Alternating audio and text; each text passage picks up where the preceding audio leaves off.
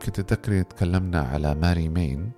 لما أوجدت آه، مقياس لقياس آه، الروابط عند الكبار. صحيح.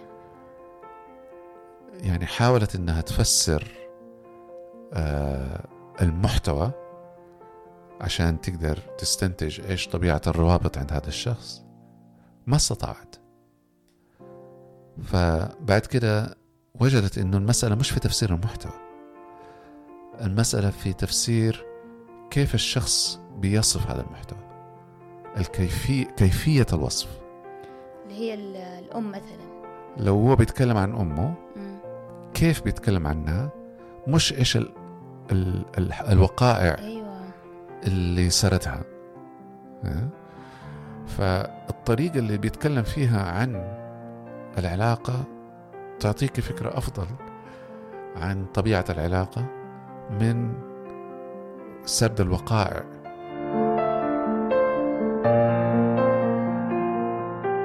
أهلا وسهلا ومرحبا بكم معنا في بودكاست لين. معكم الأخصائية النفسية سماح طلال. كل يوم في العيادة خلال عملي مع الأطفال والمراهقين وكل يوم كأم كثير من التساؤلات تدور في عقلي. لذلك وفي كل حلقة من لين ومع ضيف البودكاست الدائم دكتور ياسر الدباغ أطرح هذه التساؤلات ونناقش شيء من رحلة الإنسان ابتداء من مرحلة الطفولة محاولة إجابة سؤال لماذا وكيف. دكتور ياسر الدباغ استشاري طب نفس أطفال ومراهقين واستشاري تحليل نفسي وباحث في العلوم العصبية والصحة النفسية في مستشفى الملك فهد التخصصي بالدمام مع اهتمام كلينيكي خاص بالاضطرابات النفس عصبية والاضطرابات النمائية لدى الأطفال. وكذلك العلاج النفسي للبالغين. مشاركة الحلقة وتقييمكم وكتابة تعليقاتكم في منصات البودكاست يسعدنا ويساعدنا على الانتشار. ودعمكم لنا على منصة باتريون يساعدنا في تقديم المحتوى بشكل أفضل. جميع الروابط موجودة في وصف الحلقة.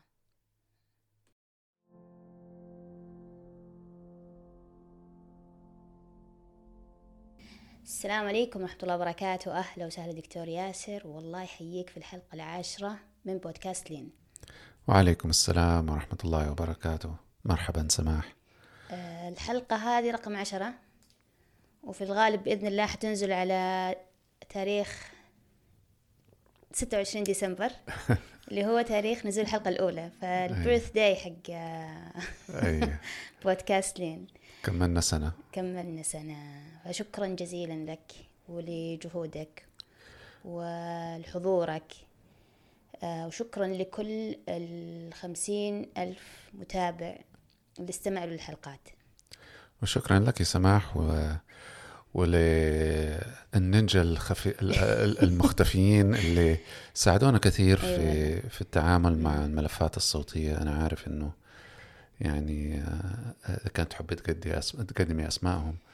يزن في التعديل الصوتي وأستاذة مريم في ال- مواقع التواصل الاجتماعي و- والمقاطع الصوتية والتشويقيات وما إلى ذلك. وفعلا لولا جهدهم يعني الموضوع كان حيكون مرة صعب أصعب من اللي إحنا يعني قاعدين نسويه حاليا. يعطيهم العافية يا رب. وخصوصا إحنا يعني هواة في هذا الموضوع.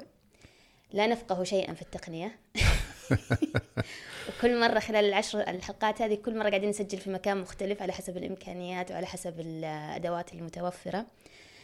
الشيء الثاني كمان اللي ورا الكواليس آه، دكتور ياسر في الشرقية وأنا في الرياض فيعني هذا واحد من الأسباب اللي تخلي الواحد يعني ما يسجل أكثر من حلقة في الشهر وأتوقع ما يمدي نسجل أكثر من حلقة في الشهر في جميع الأحوال لأنه الحلقة طويلة وهذا صحيح. دكتور واحدة من أسئلة المتابعين ليش حلقاتكم طويلة يعني أنا أتوقع إنه جزء من الموضوع إنه آم، يعني ال- ما نقدر نسجل آه، غير مرة في الشهر وأحيانا يعني ممكن يمر شهر أو أكثر ما نقدر نسجل فيهم.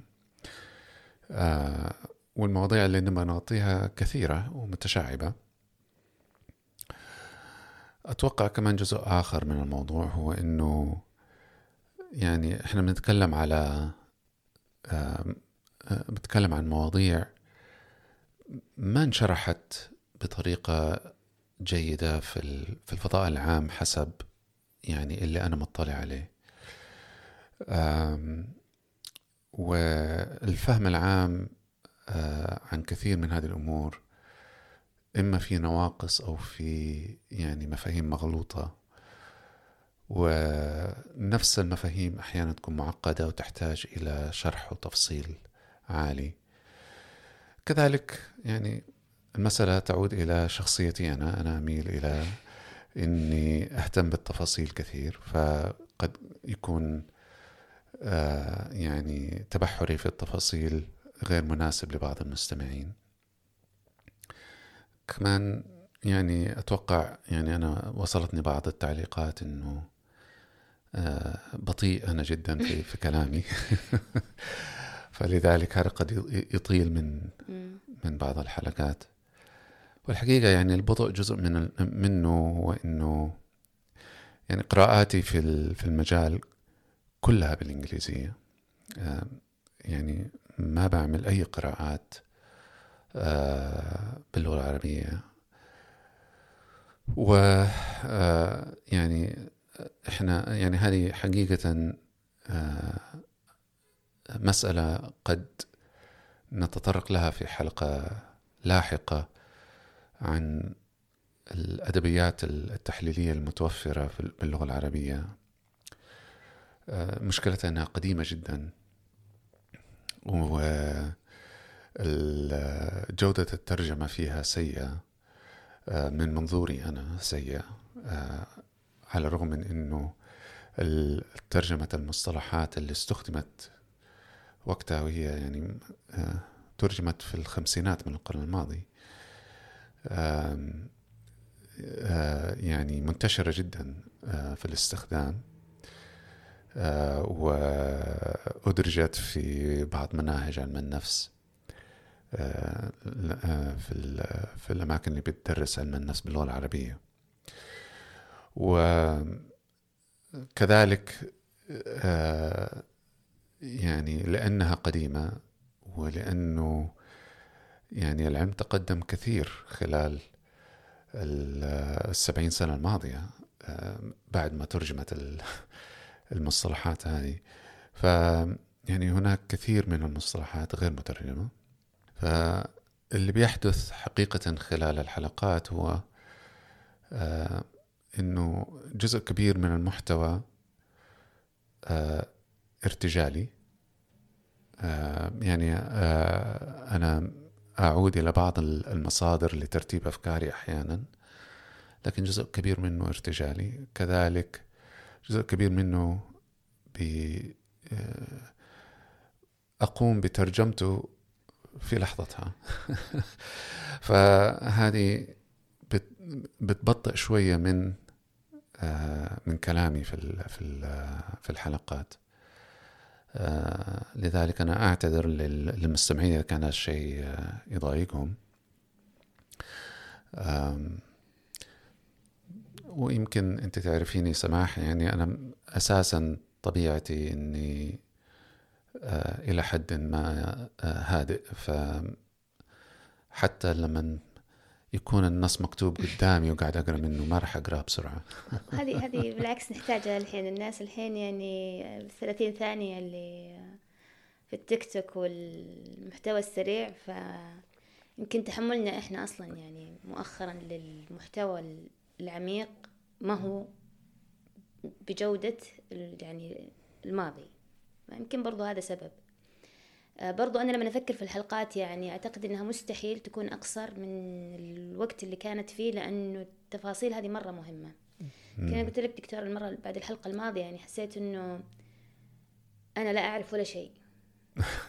يعني لأنه هذه التفاصيل مستحيل على حسب علمي كمان أنه قاعدين نلقاها في أي مكان سواء بالعربي أو حتى بالإنجليزي بطريقة سهلة الفهم. يعني ممكن تكون موجودة بس يعني لو أنا أفتح كتب من كتب التحليل تكون يعني طلاسم بالنسبة لي ما أعرف ما حيوصل المعنى الحقيقي أو المعنى اللي يعني توصله بطريقتك الجميلة إنه يوصل خلاص والواحد يقدر حتى يعني مو بس وصل ويقدر يشوفه في العيادة أو في الحياة اليومية يقدر يمارسه يقدر يستوعبه على الأقل قبل ما يمارسه.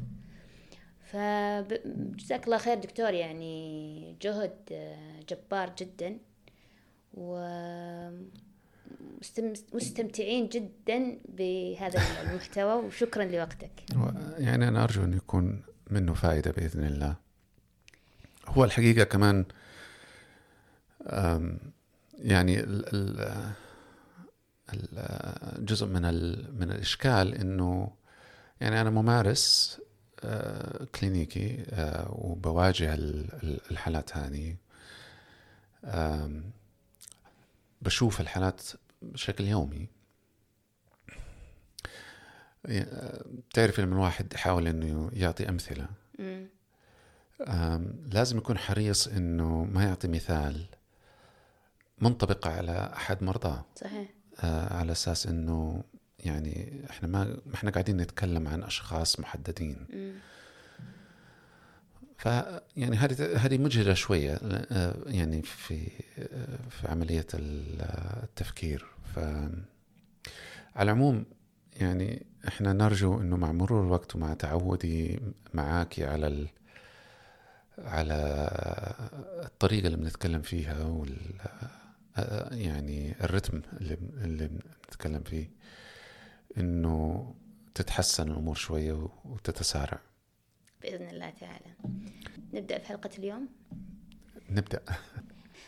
في الحلقة الماضية ذكرت أن الأنساق عالم وكثيرة جدا وصعب أن الواحد يعني حتى يختصرها يختصر أي نسق منها في لكن قاعدين نعطي توضيح.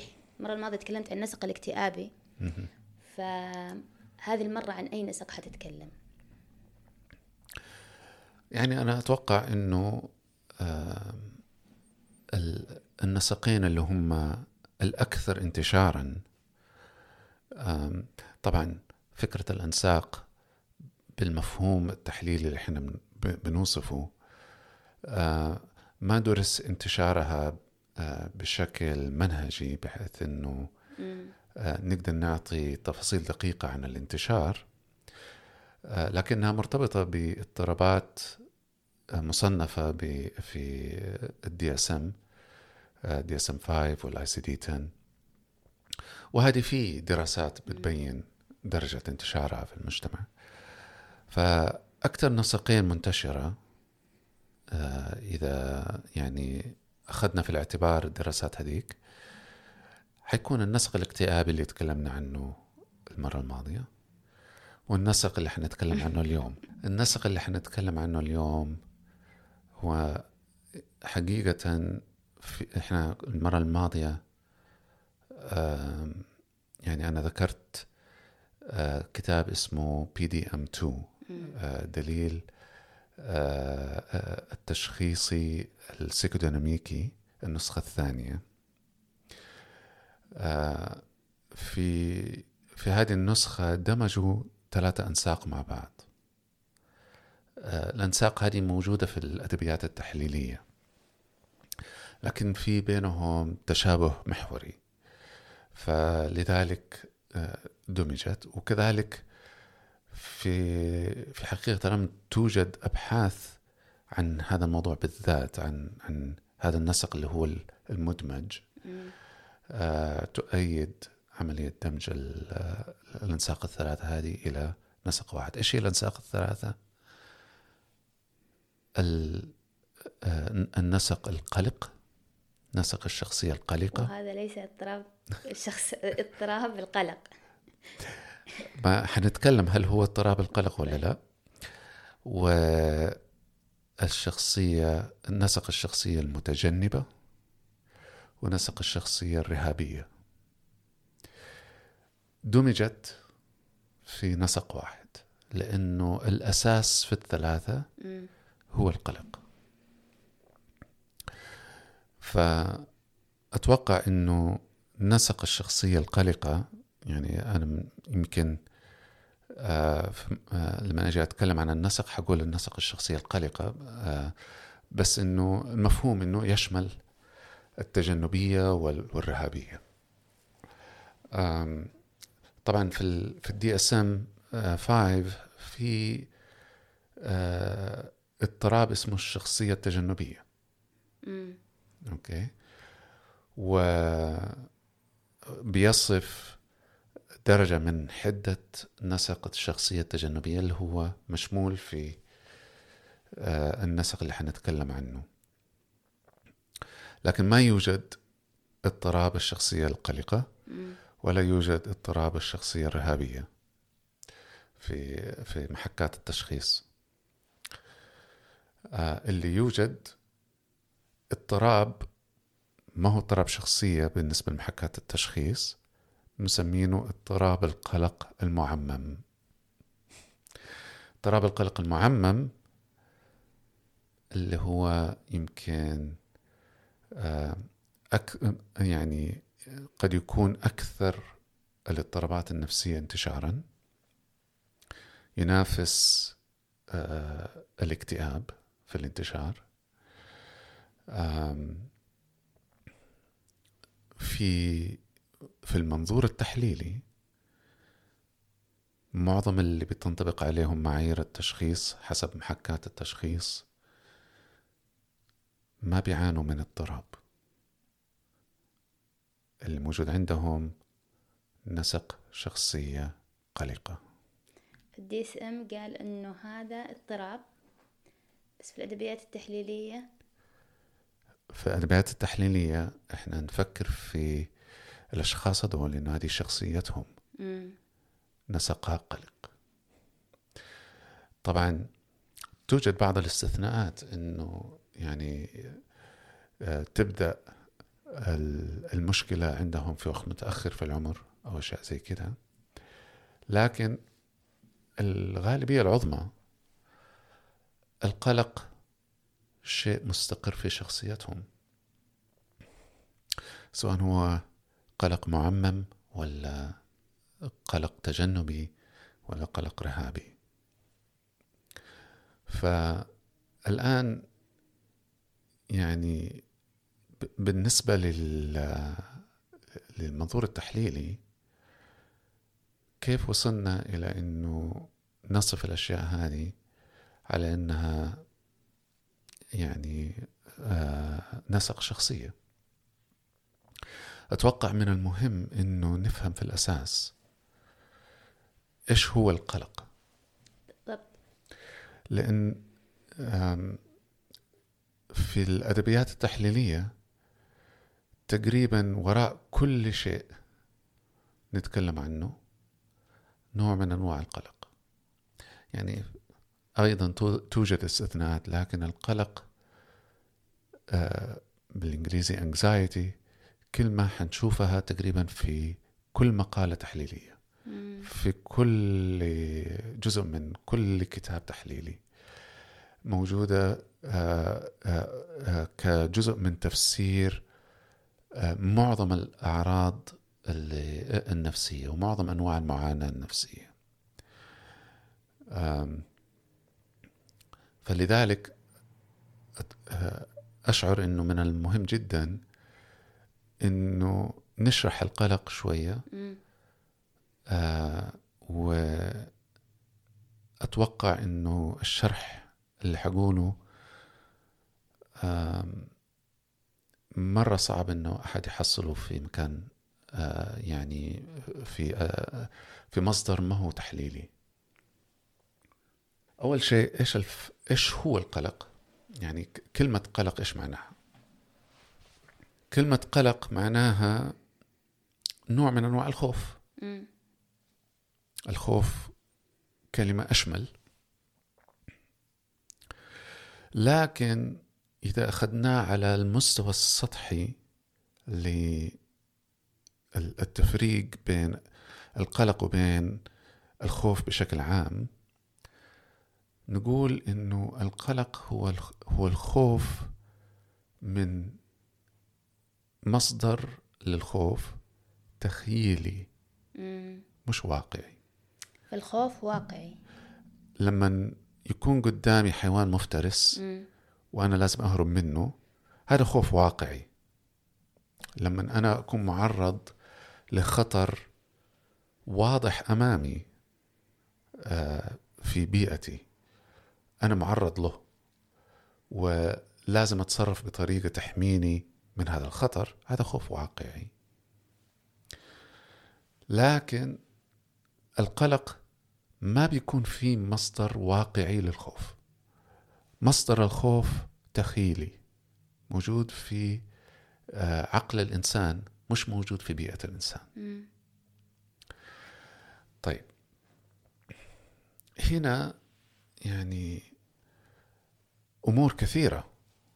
يعني آه، ممكن إنه تتفرع عن الشيء هذا. لما لما نشوف آه، المحللين كيف تكلموا عن القلق تجي إنهم وصفوه بدقة عالية جدا ومن عدة وجهات نظر مختلف يعني مختلفة جدا.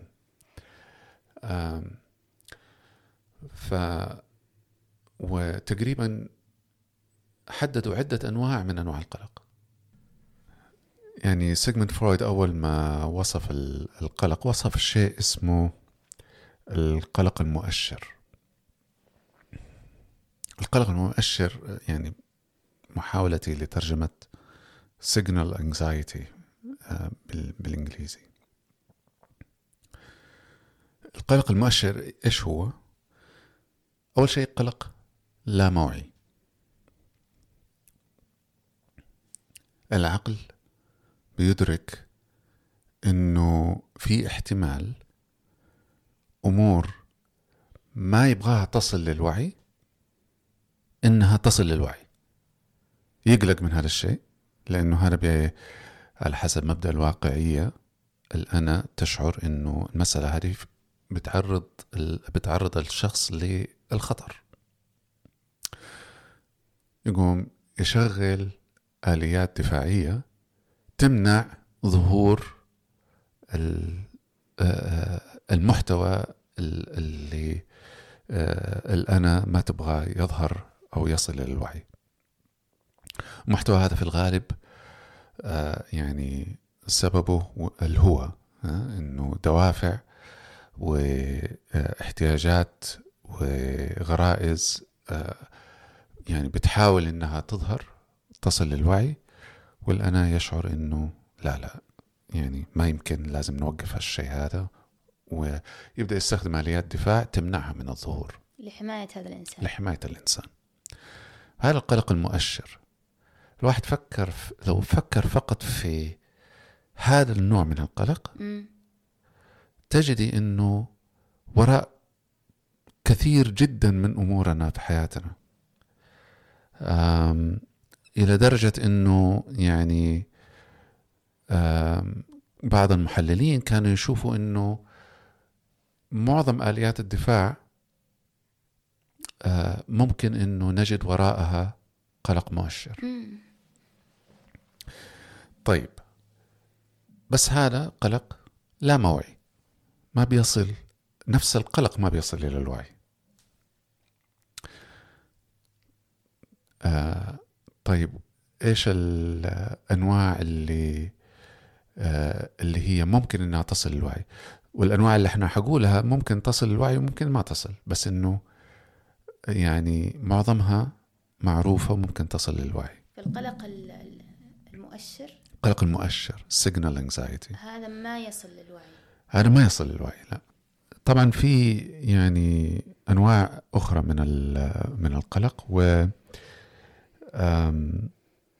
قبل ما أحدد إيش هي يعني ال- المهم من إنه إنه نعرف إنه وصفت وصف دقيق. يعني كان في تفريق اولا زي ما قلنا بين وجود الخطر الواقعي وعدم وجوده و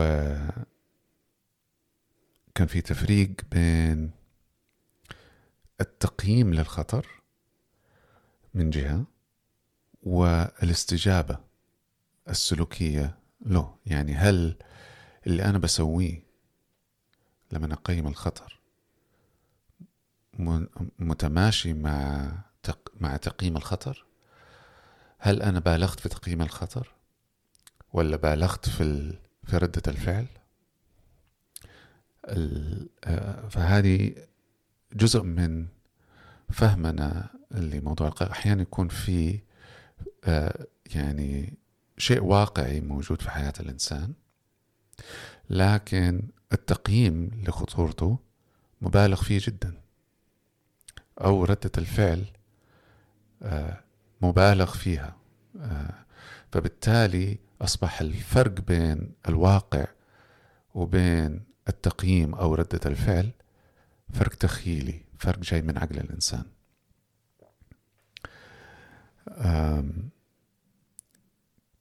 كذلك يعني في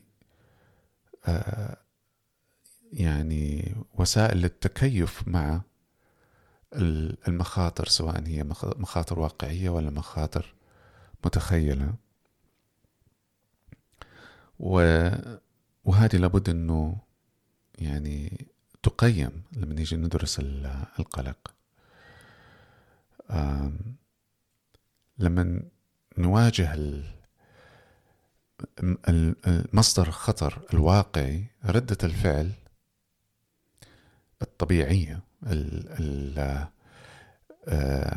التلقائية اللي هي موجودة مش بس في البشر موجودة في في في كل الحيوانات. هي ال إما يعني يسموها بالإنجليزي fight flight or freeze إما إني أنا أقاتل أو إني أهرب أو إني أتجمد في مكاني ما أتحرك. على أساس إنه اللي اللي بيتجمد ما بيتحرك ممكن آه، يعني لما ننظر إلى الأساس البيولوجي لها ممكن إنه اللي بيهاجمني يحس إن أنا مت خلاص. أيوة. ويسيبني في حالي. أو أحيانا يكون ناتج عن انغمار شديد آه، بهول الواقع اللي قاعد يحدث آه، بحيث إنه القدرة على إنه الإنسان يتصرف تتشل. فكون إني أقاتل أو إني أهرب أو إني أتجمد في مكاني هذه الردة ردة الفعل التلقائية المباشرة لوجود خطر. وجود خطر فيه واقعي. حقيقي. خطر حقيقي. طبعا لو طلعت إنه يعني التوصيف هذا توصيف حركي. امم هذه سلوكيات. سلوكي فعلا إيه. مش كده؟ تخيلي ما يقابلها معنويا. تخيلي إن الواحد في حالة حرب متواصلة أو في حالة هروب متواصلة حالة تجنب أو آه، في حالة يعني عجز عن أنه يغير أي شيء في واقعه. والحالات هذه مزمنة. مش مرتبطة بخطر موجود واقعي أمام الإنسان. طول الوقت وأنا في هذه الوضعية. طول الوقت الإنسان في هذه الوضعية. طبعا نفس التغييرات الفسيولوجية اللي, اللي بتكون موجودة في الحالة الواقعية اللي مرتبطة بالأداء الحركي اللي تكلمنا عنه. ال ال ال الاختلال الفسيولوجي اللي موجود بيكون موجود كذلك لما تكون المسألة معنوية. بشكل مستمر. بشكل مستمر ولأنه ما بيكون بنفس الشدة اللي بيوصل لها في حالة آه، يعني وجود آه، الخطر الواقعي. هنا هنعرج على نوع من أنواع القلق أو يعني هنا آه، يعني الفرق بينه وبين اللي إحنا نتكلم عنه أنواع القلق المهمة إنه هذه نوبة مش مسألة آه، مزمنة متواصلة اللي هو الهلع. فالهلع إيش هو؟ الهلع بالضبط نفس اللي يحدث لما يكون في خطر واقعي وشيك من غير وجود هذا الخطر ردة الفعل المباشرة بما فيها الجزئية الحركية تحدث وتصل إلى أعلى درجة من درجات ال ال الاستجابة الفسيولوجية والاستجابة النفسية وبعدين تبدأ تنزل مرة ثانية يعني تاخذ وقتها وتروح في العادة من يعني من النادر جدا إنها تطول أكثر من 90 دقيقة وهي معظم الأوقات بتكون 10 15 دقيقة م. مشابهة لإيش؟ مشابهة لإنه الإنسان فعلا يكون قدامه خطر واقعي لكن الخطر الواقعي ما قاعد يعمل شيء آه لو تصورتي نفسك مثلا في غرفة مليانة ثعابين سامة وما عندك مخرج من الغرفة. ها الثعابين مهملتك ما هي ما هي ما هي منتبهت لك أصلا. ها حيمر عليكي الشعور بإنك أنت يعني في حالة تأهب عالية جدا تأهب لإنك تهربي. في الغالب ما راح تقاتل التعابين ففي حالة تأهب عالية جدا للهروب اللي هو أحد الثلاثة اختيارات المتاحة. ضربات القلب حتزيد التنفس حيتسارع. حيكون في عرق من الأطراف حيكون في يعني كل الأشكال الأعراض الفسيولوجية المصاحبة وكل التغييرات الهرمونية المصاحبة للتعرض للخطر قاعدة تحدث الآن وتصل إلى قمتها لأنه مش قادر تحصلي مخرج. يمكن تصل لقمتها في خلال 15 دقائق. مرة وقت قصير يعني. وقت قصير. يعني بالكثير 15 دقيقة أحيانا لو كان الخطر فعلا لو الثعابين قريبة منك أو أو شيء زي كذا يمكن في أقل من كذا تصل إلى قمتها وبعدين العقل يبدأ ينتبه لأنه لحظة ما في شيء قاعد يصير. الثعابين ما قاعدة تهجم علي ولا هي معطياني اعتبار أصلا والوقت قاعد يعدي والخطر ما قاعد يتحقق. الشيء اللي أنا خايف منه ما قاعد يصير.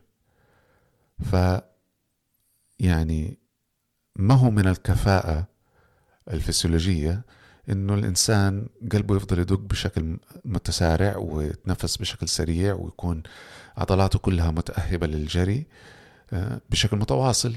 طالما إنه الخطر ما قاعد يحدث تبدأ الأعراض هذه تقل. وبالتالي إلى أن تختفي تماما ويرجع الإنسان إلى الوضع السابق لبداية النوبة. فهذه نوبة الهلع. هذه نوبة الهلع. ونوبة الهلع بعض اللي آه، اللي وصفوا لي إياها وصفوا أشياء يعني مريعة. آه بناء على تجاربهم السابقة. فيعني عش... لأنه ما يقدروا أنهم يوصفوها غير بأنهم يشبهوها بشيء مروا فيه قبل كده. فشخص آه شبه لي إياها بأنه هو في مسبح واحد ماسكه تحت الموية مانعه من أنه يطلع. يطلع. واو. فجسمه يبدأ يتفاعل علشان ينقذ نفسه فيشعر بنوبة الهلع هذه.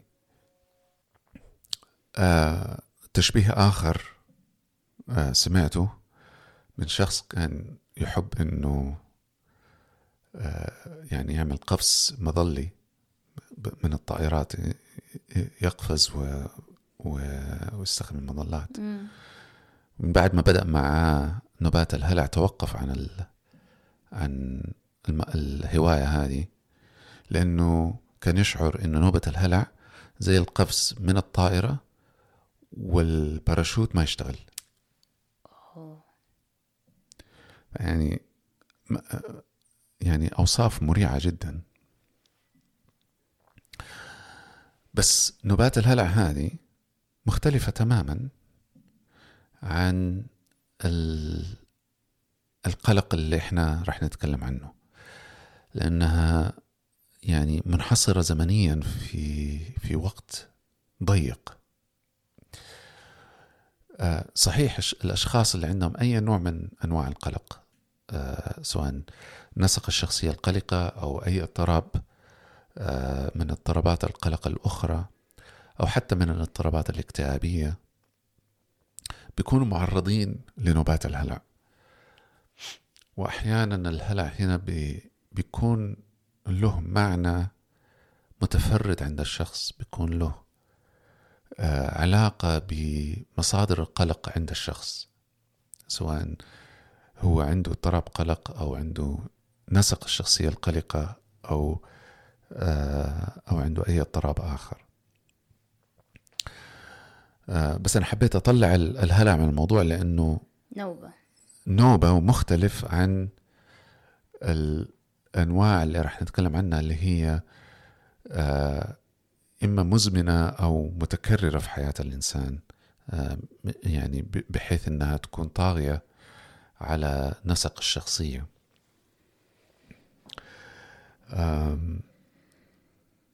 طيب إيش هي أنواع القلق هذه؟ أولهم وأكثرهم انتشارا هو قلق الانفصال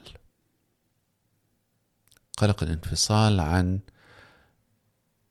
شخص الشخص آه، بيني وبينه رابط.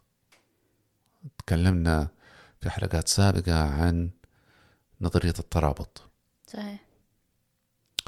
ف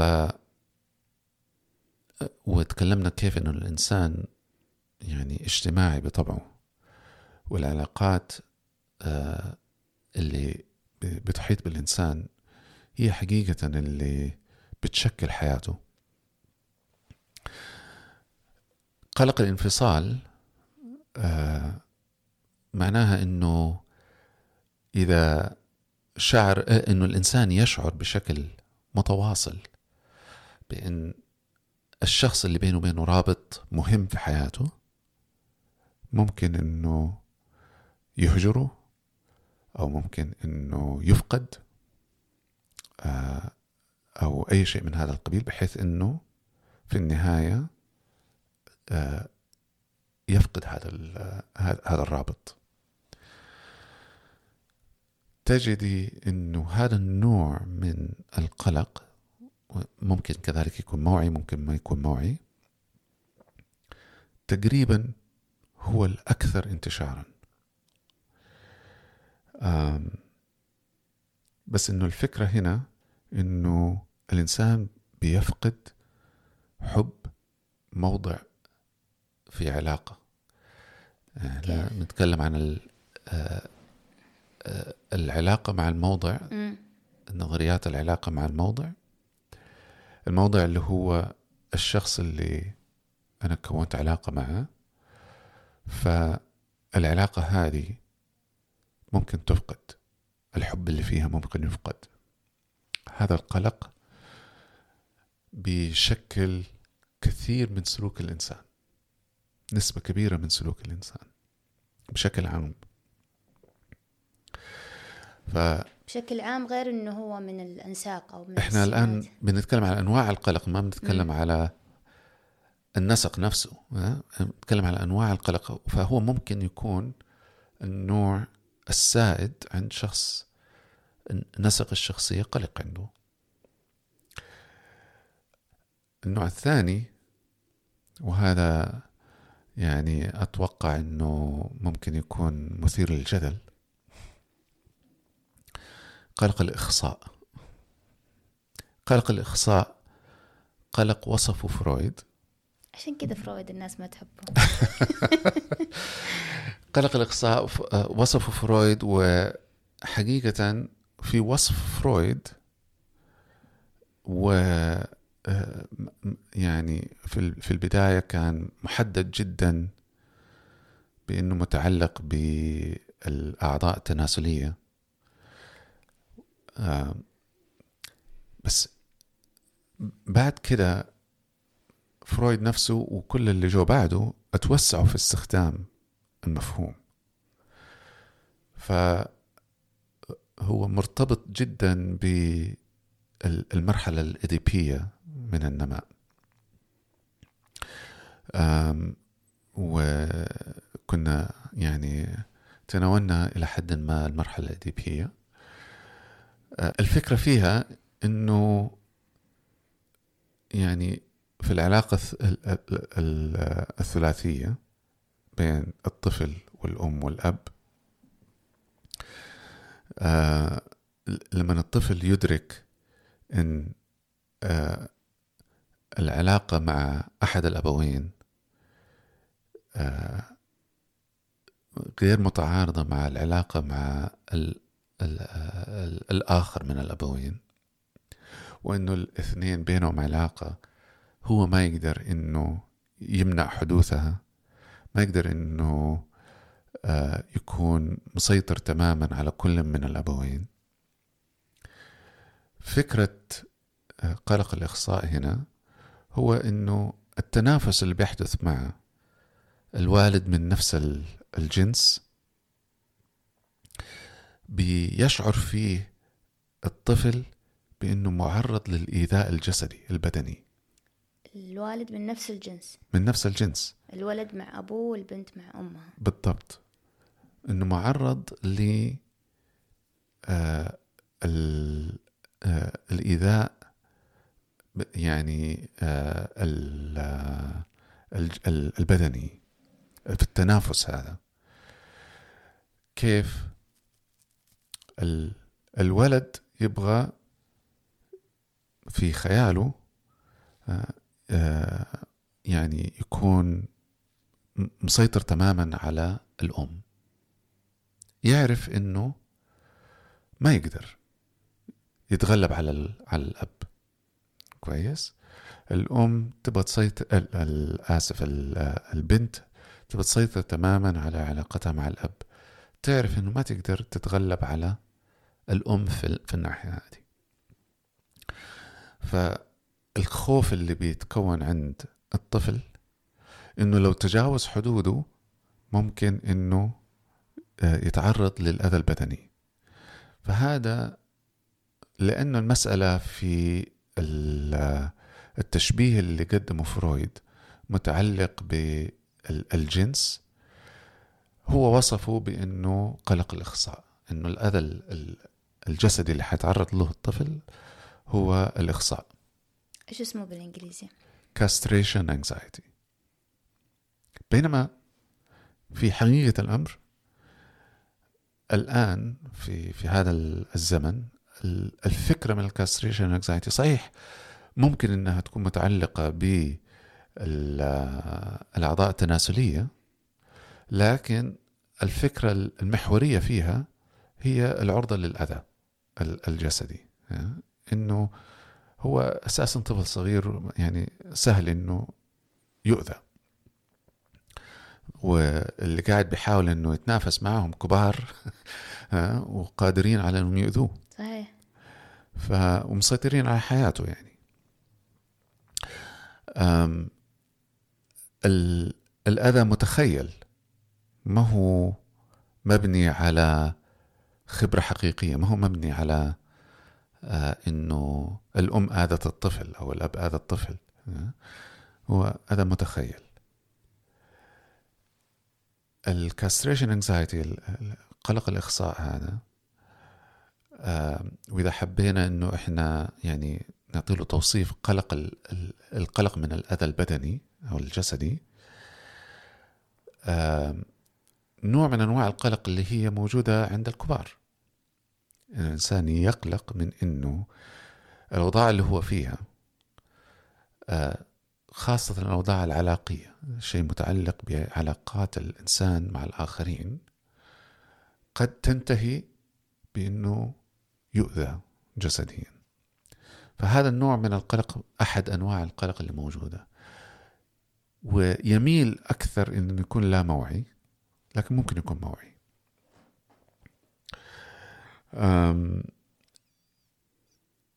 نوع آخر من ال من ال من القلق هو القلق القيمي أو الأخلاقي. فإيش هو القلق القيمي؟ يعني الخوف هنا إنه الإنسان ممكن إنه يتجاوز أخلاقياته وقيمه هو بمعنى إنه الخوف مش من من نفس تجاوز القيم أو التعدي عليها. الخوف من العواقب اللي ممكن تيجي من آه، الشيء هذا. يعني لو الإنسان تجاوز آه، يشعر مثلا أنه الغش غير مقبول لكنه غش أو يعني عقله قاعد يغريه أنه يغش يشعر بالقلق من عواقب آه، الغش. العواقب قد تكون ذاتية ذاتية المصدر. إنه هو يعني حيكون هو حيعاقب نفسه, نفسه وقد تكون آه، يعني من الآخرين من البيئة. النوع اللي هو يمكن أكثر أنواع القلق اضطرابا بعدا عن الصحة. قلق الفناء. اسمه بالإنجليزي annihilation anxiety. وقلق الفناء هذا حقيقة يعني مهم جدا لأنه مرتبط بأشياء كثير في في النظريات التحليلية. في منه آه، عدة أنواع. أهمهم إنه يعني يشعر الإنسان إنه ممكن يدمر. إنه ممكن إنه آه، كشخص كذات آه، ينتهي ينتهي تماما. آه، يتمسح من الوجود. ويكون في شيء يعني ياخذ يعني يحس إنه هو هذا الشيء ولا لا؟ يعني فكرة إنه آه، ما هو حنيجي في الكلام لأنه في في بالذات هذا النوع من القلق في الغالب ما بيكون واضح إيش هو الشيء اللي بيهدده. لكن في خيال الإنسان هو معرض لإنه يفنى معرض لإنه يدمر معرض لإنه يغمر بطريقة يعني كاسحة معرض لإنه يغزى يعني آه إنه شخصيات الآخرين تغزوه وتقضي على شخصيته. آه هذا النوع من ال هذا يعني النوع من شكل من أشكال آه قلق الفناء. الشكل الآخر آه قلق التفكك التحلل. يعني آه، يتقال له fragmentation بالإنجليزي.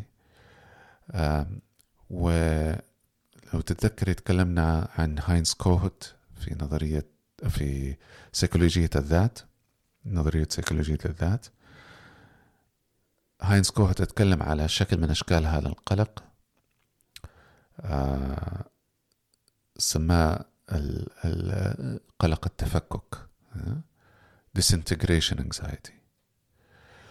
إيش اللي بتفكك هنا؟ ذات الإنسان تتفكك. تفقد كل تفقد كل ترابط بين محتوياتها. آه يعني كأنك بتذوبي شيء في الموية. آه تذوب وتنتهي وتختفي. يعني ما هو شيء مع الآخر شيء معايا. يعني ما هو ضد أحد. الذات نفسها مم. تتفكك. طبعا يعني هذه أشياء هذه أنواع من القلق. يمكن يكون صعب على المستمع إنه يتخيل إيش إيش الخبرة هذه اللي اللي بنتكلم عنها. في أنواع أقرب إلى خبرة الناس لكنها إلى حد ما ثانوية. يعني في قلق الاضطهاد. آه، وفي آه، آه، قلق إنه الآخر حيتعرض للأذى. هذه أنواع بنشوفها بنشوفها كثير.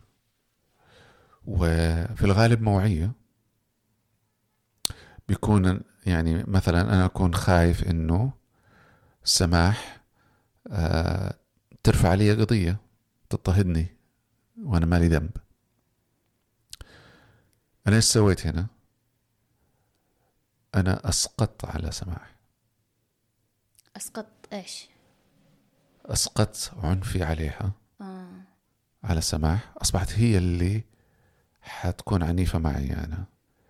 فالإضطهاد هنا من المنظور التحليلي طبعا بنتكلم على قلق مبني على شيء تخيلي ما هو واقعي. فالقلق هنا ثانوي ناتج عن آلية الدفاع اللي هي الإسقاط. وقد يكون كذلك في تماهي إسقاطي. لكن ال ال آه كذلك مثلا الخوف من إنه أنا ممكن أكون خايف إنه سماح تتعرض لأذى. إنه آه، أخاف عليكي انت من الأذى. من وهنا الخوف هذا القلق مبني على تخيل مش مبني على واقع. هذا النوع من الخوف كذلك ثانوي. ناتج عن إسقاط. تتذكري في الحلقة الماضية تكلمنا كيف إنه الإنسان آه يعني آه بياخد المشكلة اللي في البيئة آه ويستدمجها أيوة. وبعد كده يوجه عنفه إلى الداخل م. هنا أنا آه، خوفي عليك من أنك أنت تحصلي على الأذى أنت تتعرضي لأذى آسف هو أنه أنا خايف من أذايا أنا عليك أنت لكن بدل ما أخاف عليك مني لأنه الشيء هذا ما هو موعي أخاف عليك من أذى خارجي. فالقلق هنا نوع من آه، إعادة توجيه آه، العنف. بدل ما يكون للذات بشكل مباشر وجهته إلى مصدر آخر مثلا مريم. مريم حتأذي سماح. سامحيني يا مريم. مريم حتأذي سماح. أقوم أنا أخاف على سماح من مريم. القلق اللي أشعر به هو عودة الشيء هذا لي أنا ويخليني في حالة تأهب. فنوع آخر من إعادة توجيه العنف. فهذه الأنواع من من القلق يعني آه ما أتصور إنه حتشوفي توصيف لها لما تقري في كتاب عن اضطراب القلق. صحيح. ما ما في شيء قد قال لنا إنه يعني هذا الشيء زي ما قلت يعني كأنه يخفي الآلية الدفاعية الإسقاط مثلا أو بالضبط. يعني ما ما قد هذه مرت علينا كمعلومة إذا قرأنا في الأدبيات القلق الغير تحليلية. لأنه إحنا من بنركز لما نشوف إنسان قلق على أعراض القلق. م. وبعدين نلاقيه قلقان في كل المواضع وفي م. كل المواقف نقول قلق معمم. لكن إيش هي فعلا طبيعة القلق اللي عنده؟ وإيش مصدرها؟ كيف نشأت؟ الآن لما لما تشوفي الأشخاص هذول اللي عندهم نسق القلق على فكرة آه الفرق بين نسق القلق ونسق التجنبي والنسق الرهاني هو إنه النسق القلق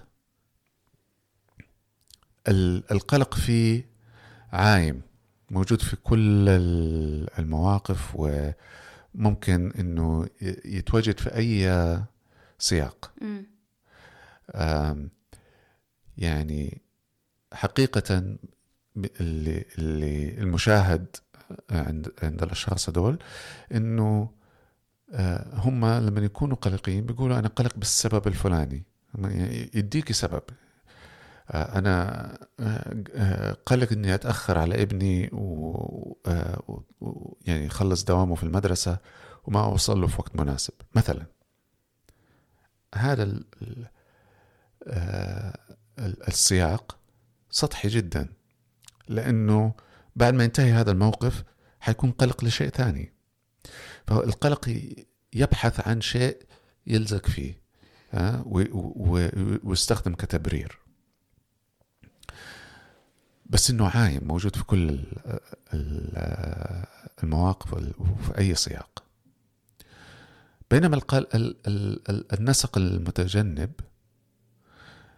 آه، والنسق الرهابي بيحددوا مواقف معينة وأشخاص أو أشخاص معينين يكونوا آه، آه، مصادر القلق يعني واضح إيش ال... بالضبط. فيعني النسق الرهابي في مواقف أو سياقات محددة يتركز فيها القلق. النسق التجنبي الأشخاص بشكل معين بشكل معمم أو آه، علاقات معينة في حياة الإنسان بتكون مصادر للقلق. فيعني ما هي عائمة لكن في جذورها الجذور متشابهة. وهل ممكن تجي كلها؟ ممكن تجتمع. فعلا ممكن تجتمع. يعني النسق القلق اللي هو يشبه القلق المعمم والتجنبي والرهابي ممكن يجتمعوا مع بعض أو ممكن اثنين منهم يجتمعوا مع بعض. ولما تنظري إلى نشأة هذول الأشخاص تجدي في الغالب إنه نشأوا وكان آه، الترابط عندهم في طفولتهم روابط قلقة. الرابط القلق في النشأة يزيد جدا من احتمالية تكوين نسق شخصية قلق. لو تذكرتي مثلا أنواع الروابط القلقة في رابط قلق مقاوم وفي رابط قلق متجنب. صحيح. حذري المقاوم أقرب إلى أي نسق من الأنساق الثلاث هذول والمتجنب إلى أي نسق؟ المتجنب ال ال الرهابي. الرهابي والتجنبي. التجنبي. بينما المقاوم أقرب إلى النسق القلق. فلكن قد يعني تجدي قلق متجنب رابط يعني روابط قلقة متجنبة عند شخص النسق عنده قلق. وقد تجري روابط قلق قلق قلق مقاومة عند شخص النسق الشخصية عنده متجنب أو رهابي. قبل ما نطلع من هذا الفقرة لما يجي مثلا أحيانا نشوف أطفال أعمارهم مرة صغيرة عندهم هذا ما أدري يسميها أعراض. عندهم هذا القلق ال ال ال يعني عندهم الرهاب عندهم ال يعني عندهم هذا السمات أو عندهم هذا آه، أنا ما أقول الحين يعني, يعني ما هي نسق أو شيء ما في بالي إنها نسق بس في بالي إنه إيش اللي خلى طفل مثلا عمره سبع سنين أحيانا؟ ال يعني لما أشوف الوضع الأولي إنه الروابط جيدة. مبدئيا يعني. أي. فأنا قاعدة أفكر في في, في الأطفال. نعم. إحنا قاعدين نتكلم على بالغين كانت في ممكن في طفولتهم. كيف وصلتي إلى استنتاج إنه الروابط كانت جيدة؟ آه، من التقييم الأولي. عشان إحنا رهيبين نعرف. رهيبين في. التقييم الأولي. طيب هو آه، تقييم الروابط يعني كل ما بعدنا عن آه، السنة السنتين الأولى كل ما قلت دقة التقييم. لأنه يعني إحنا لما نشوف طفل عمره سنة ونص إحنا بنشوف بالضبط قدامنا. التوصيف اللي وصفته ماري انسورث للرابط. صحيح. لكن كل ما بعدنا عن هذه الفئة العمرية كل ما بدأت تتشكل بأشكال مختلفة ولما بنيجي نسأل آه، بالنسبة لطفل مثلا في سن المدرسة ولا ولا مراهق ولا بالغ عن هذه السنين أول شيء نفس آه، الطفل أو المراهق أو البالغ ما عنده ذاكرة روائية عن هذه الفترة ما يقدر يحكي لك عن. السنة الأولى أو السنة ونص الأولى. ما ما يقدر. فلذلك آه يعني قد تقدري تصلي إلى بعض الاستنتاجات بناء على تاريخ دقيق ل آه، هذه الفترة من حياة ال- الإنسان. إذا استطعت أنك تحصل على تاريخ دقيق وإذا كان مثلا التاريخ بتاخديه من أحد الوالدين قد تكون الصورة مختلفة لو سمعتي نفس التاريخ من الوالد الآخر قد تكون الصورة صحيح. مختلفة لو سمعتي التاريخ من شخص آخر بالغ في حياة الإنسان الجدة الخالة العم. بالضبط. فعلا أحداث الحياة الرئيسية اللي بتحدث في هذه الفترة على الرغم من أنه يمكن كثير أشياء ماشية كويس آه، في حياة ال- الطفل لكن الأحداث الكبيرة قد يكون لها تأثير كبير على تكوين الروابط وما ما تقدري تستنتجي إلا لما تشوفي النتيجة. كمان يعني آه، آه، يمكن تتذكري تكلمنا على ماري مين. لما أوجدت آه، مقياس لقياس آه، الروابط عند الكبار. صحيح. يعني حاولت أنها تفسر آه، المحتوى عشان تقدر تستنتج إيش طبيعة الروابط عند هذا الشخص. ما استطاعت. فبعد كده وجدت أنه المسألة مش في تفسير المحتوى. المسألة في تفسير كيف الشخص بيصف هذا المحتوى. الكيفية كيفية الوصف. اللي هي ال- الأم مثلا. لو هو بيتكلم عن أمه. كيف بيتكلم عنها؟ مش إيش ال ال ال الوقائع أيوة. اللي سردها. ها؟ فالطريقة اللي بيتكلم فيها عن العلاقة تعطيك فكرة أفضل عن طبيعة العلاقة من سرد الوقائع في العلاقة. هذا شيء جديد. خصوصا لما أتكلم على طفل يعني فعلا فعلا اختلف يعني. أي. ف... ونعود لأن الواحد ترى في أشياء الواحد ما يعرفها يعني مو عرض ولا عرضين إنه صحيح. خلاص يعني ختمنا المريض عرفناه كله خلاص.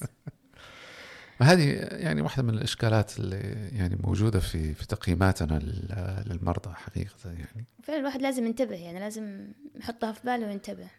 صحيح صحيح. أم ال- الحقيقة يعني اضطراب ال- القلق المعمم اللي هو في محكات التشخيص آه، يعني آه، يعني بن- بنشوفه كثير وبيتعالجوا كثير منه. آم، إذا إذا فهمناه بأنه نسخ شخصية وليس اضطراب يديك فكرة عن إيش اللي ممكن نحتاج إنه نسويه مع الشخص. يعني الآن إحنا كنا تكلمنا على إنه التنظيم الداخلي للشخصية بيحدد إلى حد كبير أنا إيش ممكن أسوي مع الشخص علاجيا من ناحية العلاج النفسي بالجلسات. إيش اللي أقدر أتوقعه من إمكانية تكوين تحالف علاجي جيد في بداية العلاج. إيش الطريقة اللي أتعامل فيها مع آليات الدفاع؟ وهكذا. فالتنظيم الداخلي للشخصية في هذا النسق في الغالب يقع على آه، التنظيم العصابي أو التنظيم الحدي. صحيح ممكن إنه إنه يقع في التنظيم الذهاني. ولكن كل ما اقترب إلى أقصى طرف التنظيم الذهاني كل ما ظواهر النسق تصبح أقرب إلى النسق الارتيابي. إحنا كنا ذكرنا إنه أحد الأنساق اللي هي استظهارية مش السبطانيه زي ما تكلمنا في صحيح. في الحلقة الماضية هو النسق ال ال الارتيابي لما كل ما يعني التنظيم يكون أعمق في في الاتجاه الذهاني كل ما مصادر الخطر المتخيلة هذه تصبح مسقطة على العالم حوله. وبالتالي العالم قاعد يأذيه العالم هو مصدر الخطر. الأشخاص هم مصدر الخطر. فيظهر الإنسان على أنه ارتيابي وقلقه مفسر بارتيابه. فلذلك آه، يعني نجد أنه آه، يعني بيميلوا إلى كده.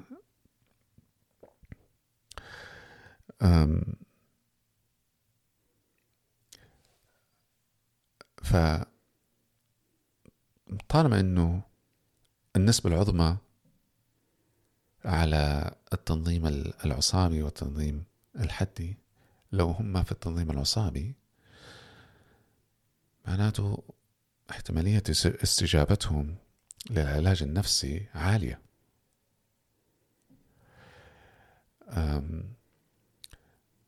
لأنه نسبة كبيرة منهم في التنظيم العصابي لما بيجيني شخص في العيادة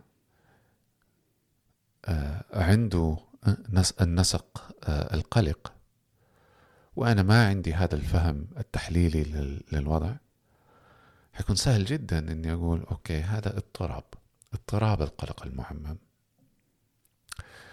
كيف أعالجه؟ والله يعني آه الأعراض حقته ممكن تستجيب للعلاج الدوائي لكن نسبة كبيرة منهم كذلك بيستجيبوا لعدة أنواع من آه، من التدخل العلاجي النفسي بالجلسات. كيف بيستجيبوا؟ بيستجيبوا بأنه في أنواع العلاج قصيرة الأمد أنه يتعلموا آليات دفاع مهارات للتكيف آه، مهارات للتعامل مع الأعراض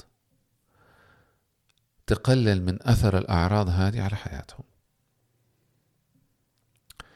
لكن الجذر اللي كون الأعراض قلق الانفصال قلق الإخصاء. قلق الفناء. هذه الأشياء ما زالت موجودة. لو خفت الأعراض الظاهرة اللي هي بتقلل من أداء الإنسان في حياته أداؤه في عمله أداؤه في دراسته أداؤه في آه، يعني في المجال اللي هو جاي يشتكي بسببه في الغالب ما حنشوف تغيير في علاقات هذا الإنسان. في الغالب حنشوف إنه بسهولة مع المرور بظروف جديدة في حياة الإنسان إنه ترجع أعراض القلق إنه آه الوسائل اللي وسائل التكيف اللي تعلمها آه يعني تصل إلى حدها و وما يستطيع إنه. يتعامل مع ال- مع الوضع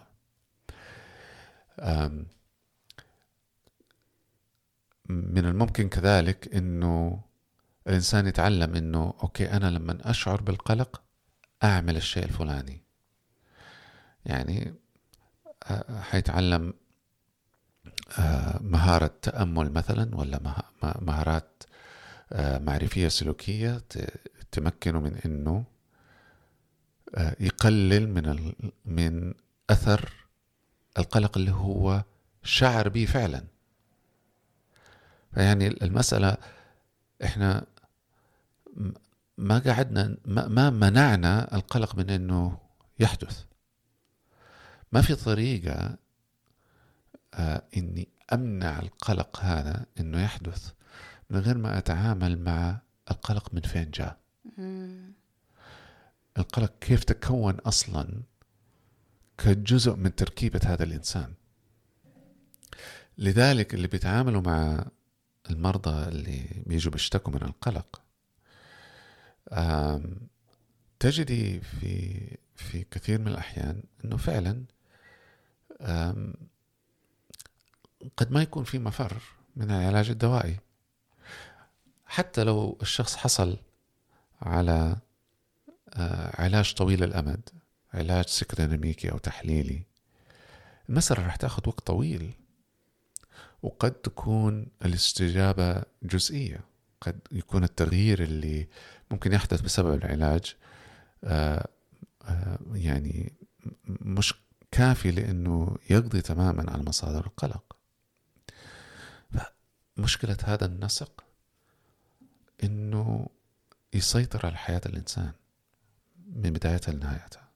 لما نشوف ال ال المرضى هذول في مثلا في العلاج النفسي إيش أثرهم على المعالج؟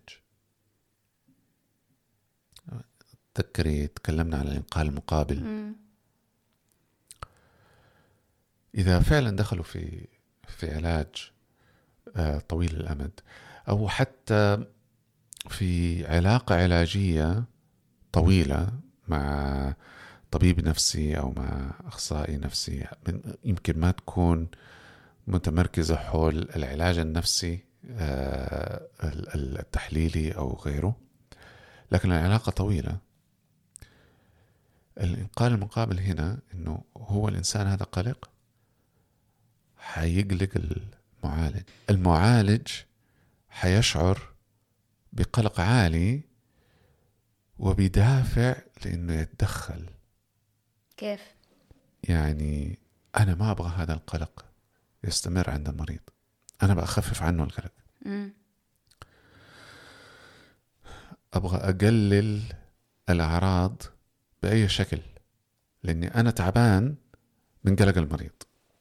وإيش ممكن أسوي؟ وتعرفي كل ما زادت آه يعني كل ما كل ما كان ال- ال- النسق آه يعني أعمق في ال- ال- التنظيم الحدي أو في التنظيم ال- أو دخل في التنظيم الذهاني كل ما زادت حدة هذه المسألة. ال- ال- المعالج يشعر بإغراء قوي جدا إنه يتدخل يسوي شيء. ينقذ المريض. ها؟ هو المريض يبغاه ينقذه. ها؟ من هذا القلق اللي آه، يعني في الحالات ال- الشديدة بيكون فعلا آه، مأساوي في درجته نتكلم على قلق الفناء قلق الفناء بيكون في الغالب عند الناس اللي آه، التنظيم الداخلي عندهم حدي أو متجه ناحية الذهاني لما هاينز كوها تتكلم على قلق التفكك اللي هو نوع من أنواع قلق الفناء. آه، آه، قلق الفناء annihilation anxiety. قلق التفكك disintegration anxiety. إنه تكوين الذات آه، حيتفكك.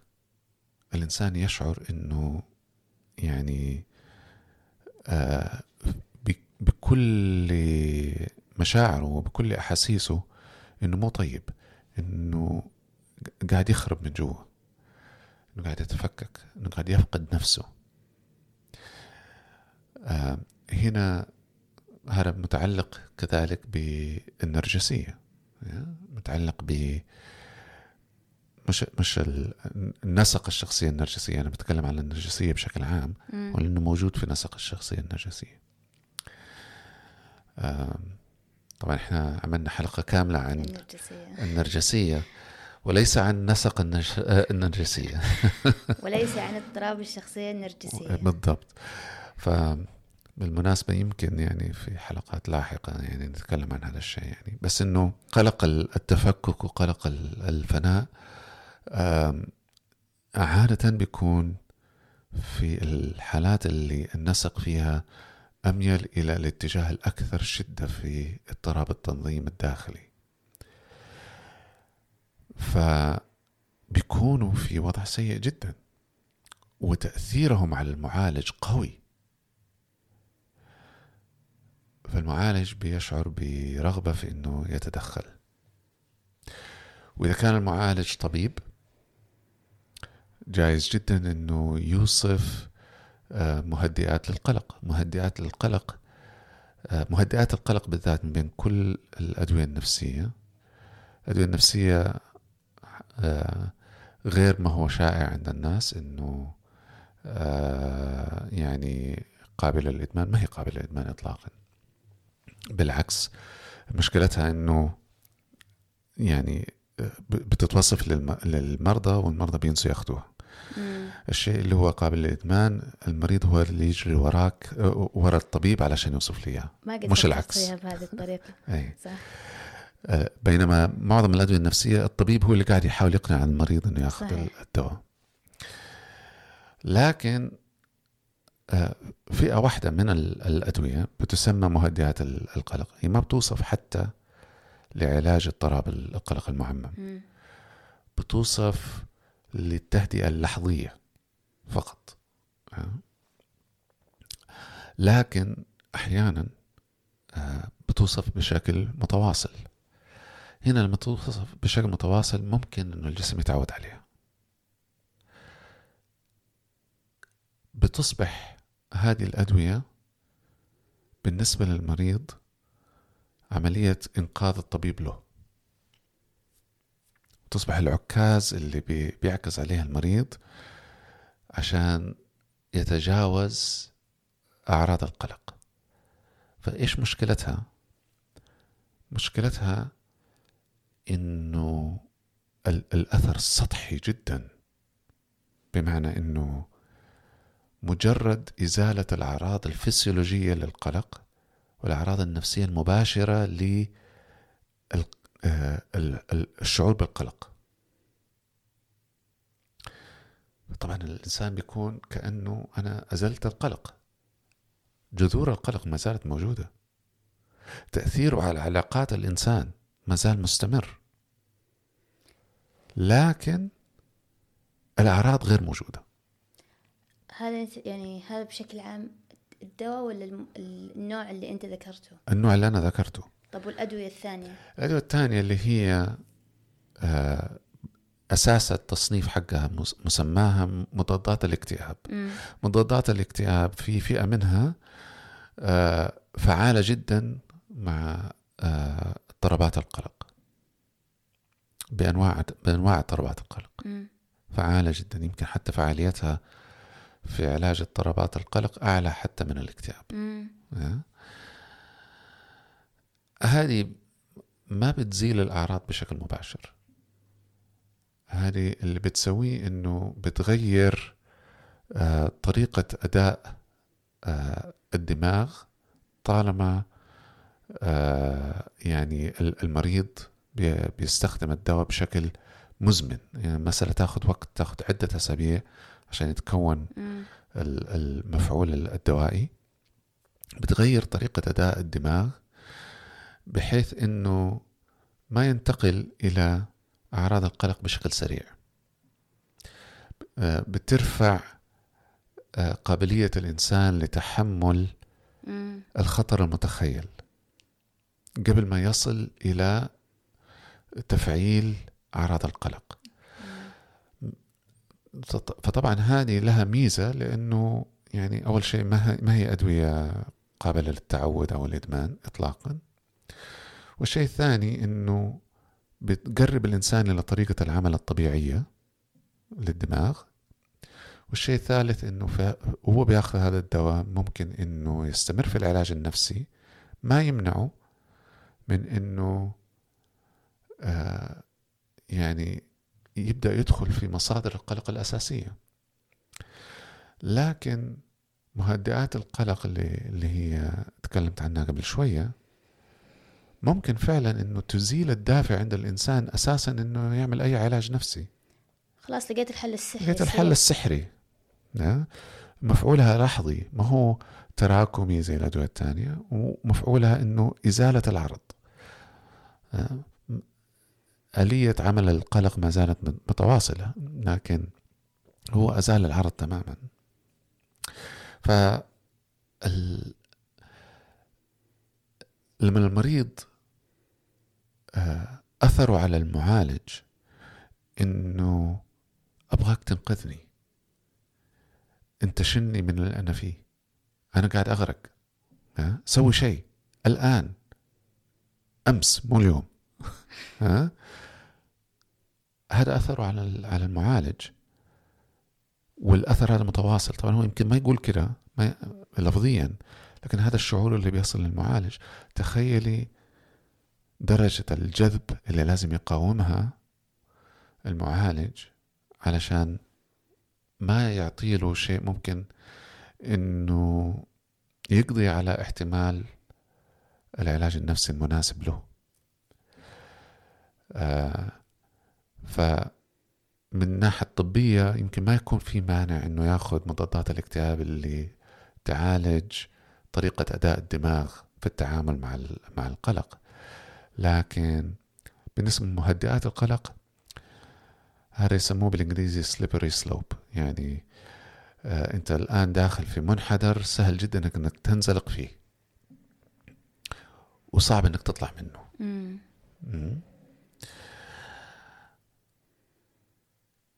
زي ما في احتمالية إنه ينجذبوا إلى الأدوية هذه أو إنهم يضغطوا على الأطباء انه يوصفوا لهم الأدوية هذه.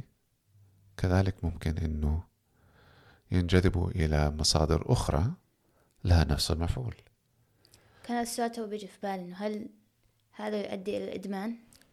بالذات ال- المواد اللي ال- المحظورة اللي هي لها مفعول آه، مهدئ. إيش هي عادة؟ الكحول. بعض الأحيان ال- ال- الحشيش وأحيانا كذلك آه، اللي هي آه، مشتقات الأفيون. فهذه الفئة من ال- المواد المحظورة يكون عندهم قابلية لإدمانها. مش كل اللي عندهم النسق بيكون أساسا عندهم رغبة في أنهم يدخلوا في آه، في موضوع إدمان. بعضهم نفس القلق اللي عندهم يمنعهم من الإدمان. يعني يبدأوا يتخيلوا خطر الإدمان على على نفسهم ويمكن يبالغوا فيه ها، بحيث إنه يمنعهم حتى من قبول الأدوية النفسية اللي هي الصحيحة اللي هي مناسبة لهم. م. فتأثير القلق آه يعني تأثير عميق جدا آه على حياة الإنسان. آم، ال بس حاب حبيت لأثر ال- ال- المريض على المعالج لأنه المعالجين مش كلهم حيكون عندهم محاولة لفهم الإنقاذ المقابل اللي قاعد يحدث بينهم وبين المريض. أنا قاعد أتخيل أصلا يعني لو شفنا يعني شفت أحد زي كذا ممكن يعني يجيني شعور بال العجز ولا إني أنا لازم أسوي شيء ولا حتى أحيانا نقولها بيننا وبين بعض. أنا نفسي مثلا أروح أسوي هذا الشيء يعني عشان الموضوع يصير أسهل عشان الموضوع يصير يعني أفضل. بالضبط. فهي الفكرة إن الواحد ينتبه هو إيش صحيح. إيش قاعد يشعر وإيش قاعد يفكر. ف بس ليش القلق اللي عندهم ممكن يكون بهذه الشدة وبهذا؟ بحيث إنه يغمر حتى المعالج مش م. بس المريض نفسه. يعني أساسا إحنا كنا نتكلم على الروابط القلقة أساسا من الناحية النظرية إنه في نشأتهم ما استطاعوا إنهم يمروا بخبرات فيها احتواء كافي بحيث إنه يتعلموا مهارات التنظيم الوجداني. ف ويكون هذا جزء من السبب إنه أساسا الرابط عندهم قلق. يعني الموضع الأساسي اللي هو الأم مس آه، آه، أو المواضع المهمة في حياة الطفل ما استطاعوا آه، في تكوين الرابط. وطبعا المسألة مو شرط إنها ذنب الأم لأنه عوامل كثير بتدخل بما فيها طبع الطفل. صحيح. بالمناسبة طبع الأطفال اللي بينتهوا بنسق قلق بيكون طبعا متوتر في في أكثر من يعني ثلثين الحالات.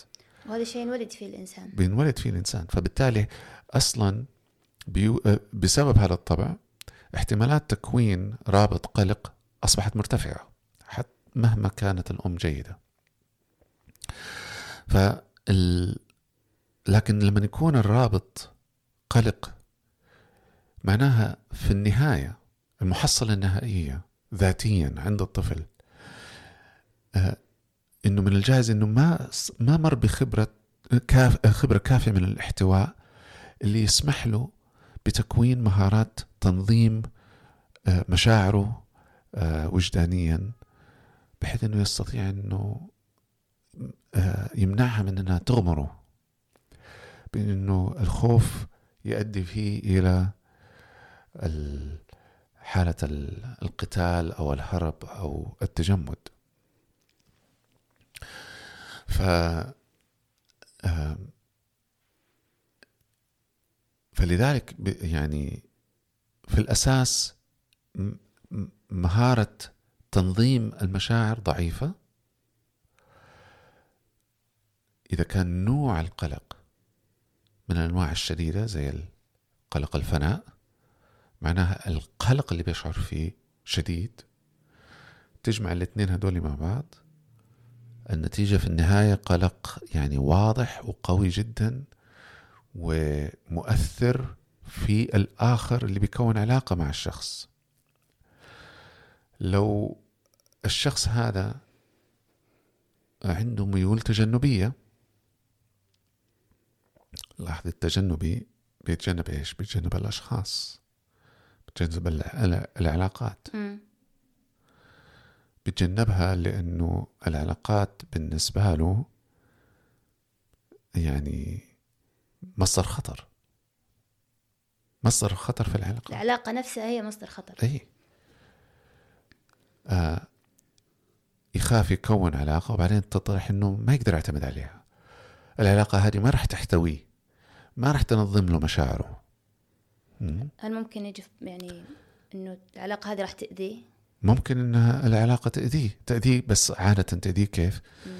بإنه آه ما تلبي آه احتياجاته العاطفية بإنه تهجره بإنه آه تنبذه بإنه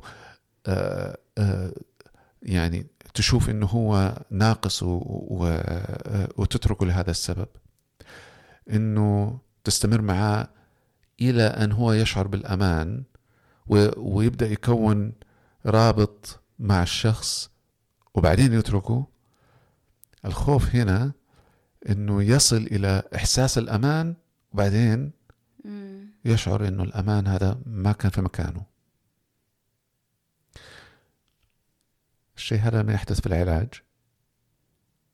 معناها إيش؟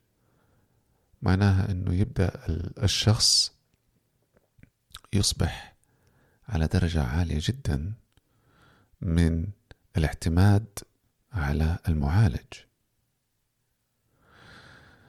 متشبث بالمعالج لأنه أساسا كان بيقاوم إنه يكون يكون علاقة وبعدين تكونت. خلاص الآن هو عايش في قلق إنه المعالج حيتركه. وبالتالي حيكون صعب عليه إنه يتخيل نفسه من غير المعالج هذا. اللي هو قاعد يضغط عليه بطريقة غير مباشرة إنه ينقذه من القلق اللي هو فيه. يعني شايف السيناريو كيف ممكن يتحول إلى إيش؟ مع إنه هذه الصورة أنا اللي وصفتها الآن مع المعالج لكنها تحدث في العلاقات الشخصية كذلك. تحدث في الصداقات. تحدث في العلاقات الأخرى اللي في حياة المريض. آه، في حياة الشخص اللي عنده يعني ما بلاش نقول مريض الشخص اللي عنده النسق القلق. ف تقدر تشوفي إيش أنواع المشاكل اللي تكون موجودة في العلاقات بسبب آه، النسق هذا.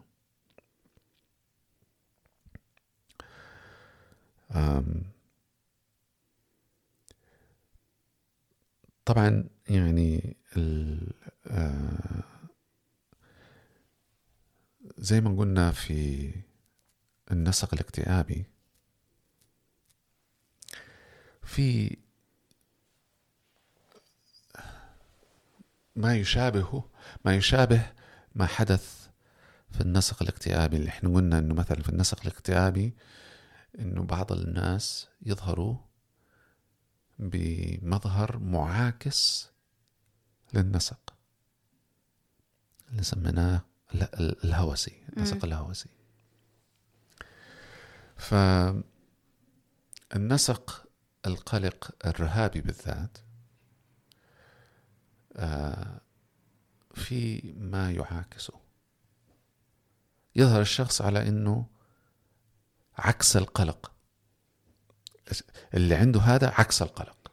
اجتماعي مثلا أو ما يخاف. ها؟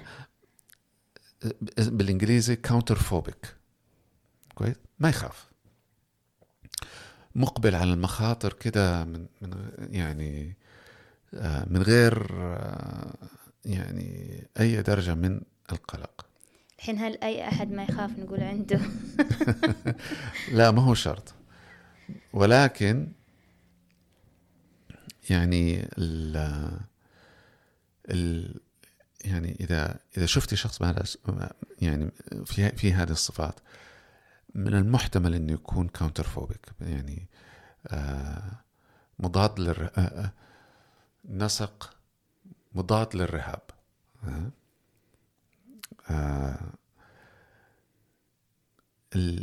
اللي قاعد يسويه هو إنه يثير القلق عند الآخرين. بسلوكه هذا.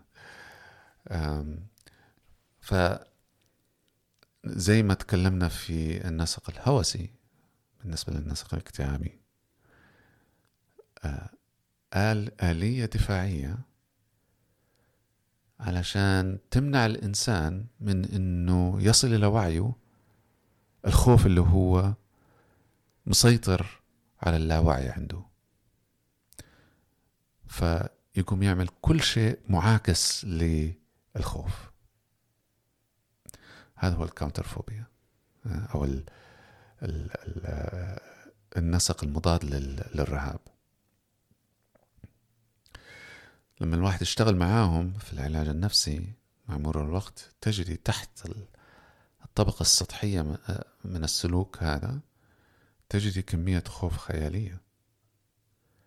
وقلق يعني ممكن إنه يشل الإنسان. ف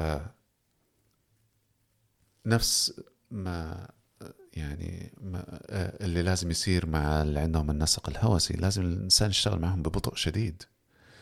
لأنه صعب إني أنا أخذه من أقصى آه،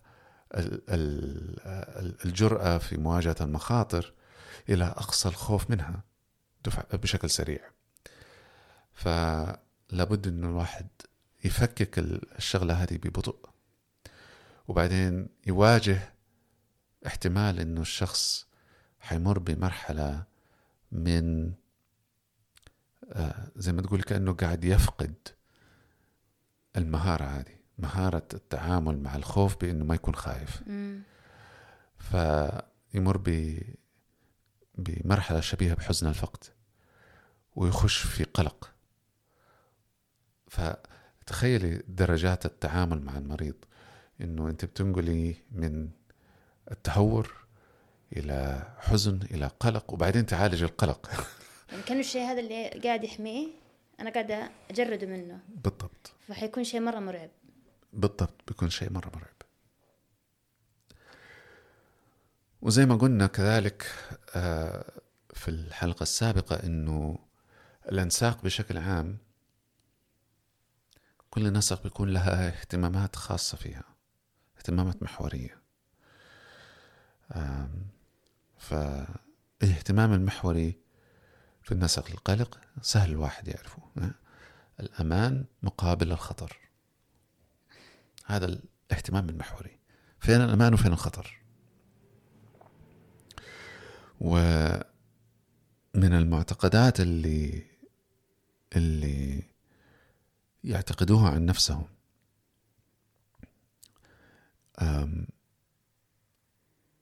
يعني أحيانا حتى يقدروا إنهم يوصفوا لك هو بالضبط زي ما أنا حقول لك إياه. أنا دائما في خطر لازم أحمي نفسي منه أو لازم آه، أضمن إني ما أتعرض له. أنا دائما في خطر. ف لما يكون مصدر الخطر من الآخرين من الأشخاص آه، يعتقدوا أنه الآخرين يعني غير مأمونين. ممكن أنهم آه، آه، يجيني خطر منهم. مو شرط أنه يكون بسبب أن هم عندهم نية أذية. من يكون من يبدأ التفكير أنه هم ينووا أذيتي هنا نخش في موضوع الارتياب. كأنه رحنا أكثر على جهة التنظيم الذهاني بالضبط. لكن كيف ممكن إنه يجيني الخطر منهم؟ ممكن إنه يكتشفوا حقيقتي ويتركوني. إنهم آه، يتوقفوا عن حبي. إنهم إني أفقدهم. إنهم يموتوا. إنهم آه، يهجروني. إنه أنا أكون آه، متعب لهم إلى درجة ما يقدروا يتحملوني.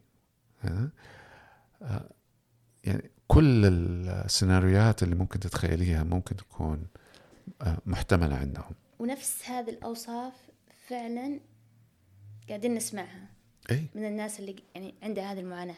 صحيح. بالضبط. إي. ف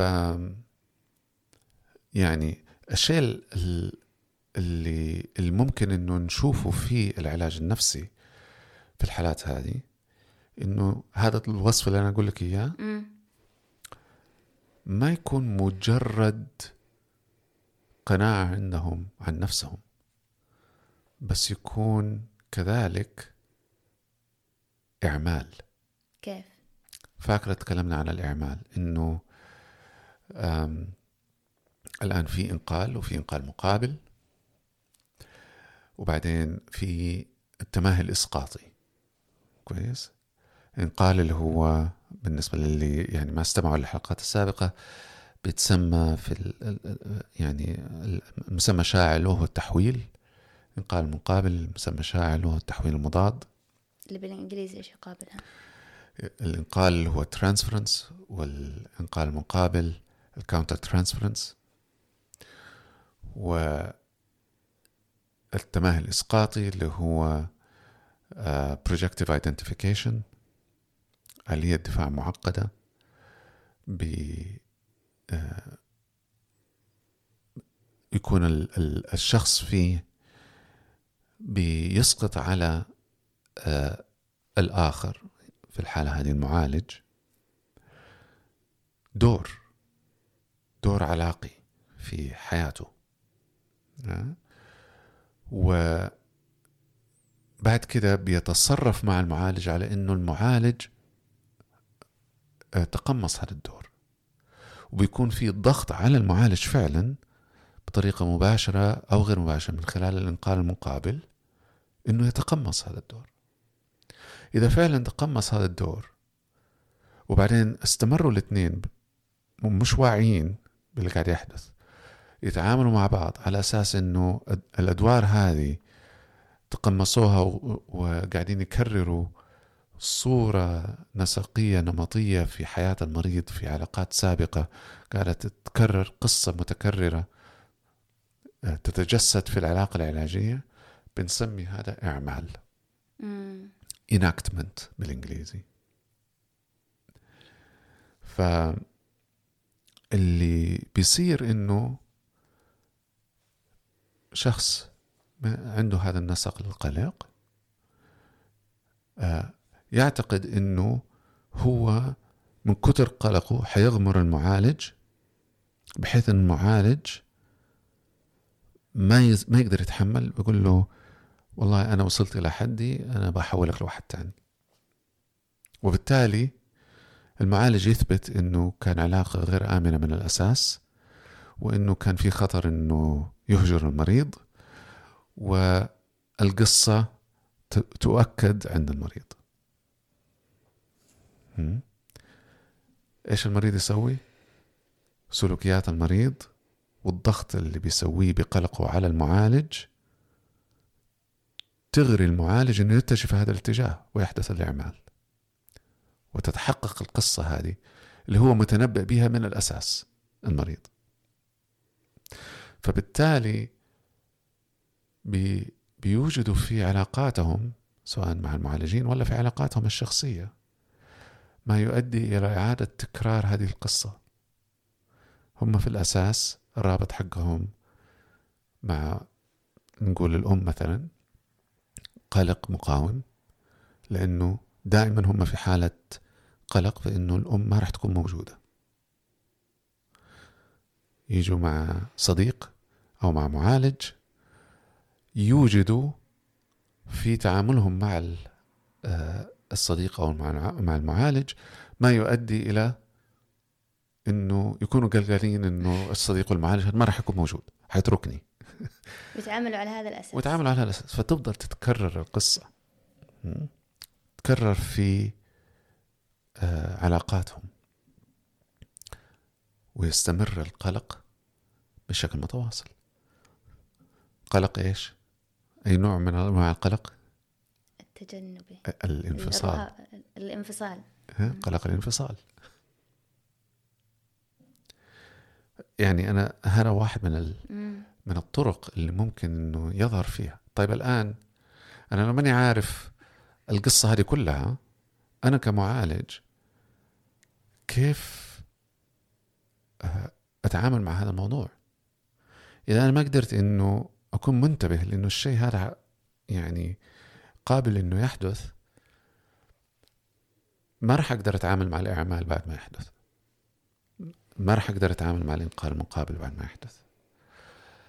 أه وحتتكرر القصة في حياة المريض وأصبحت أنا مجرد حلقة أخرى من المسلسل الغير منتهي أه من العلاقات اللي بتؤكد للمريض نظرته عن نفسه. وإنه العالم والعلاقات اللي حوله مصادر الخطر وإنه هو لازم يكون قلقان ولازم يعني آه، وبالتالي تستمر آه، أنماط العلاقات اللي في حياته. لو أخذنا مثلا آه، نوع آخر من من القلق قلق الإخصاء.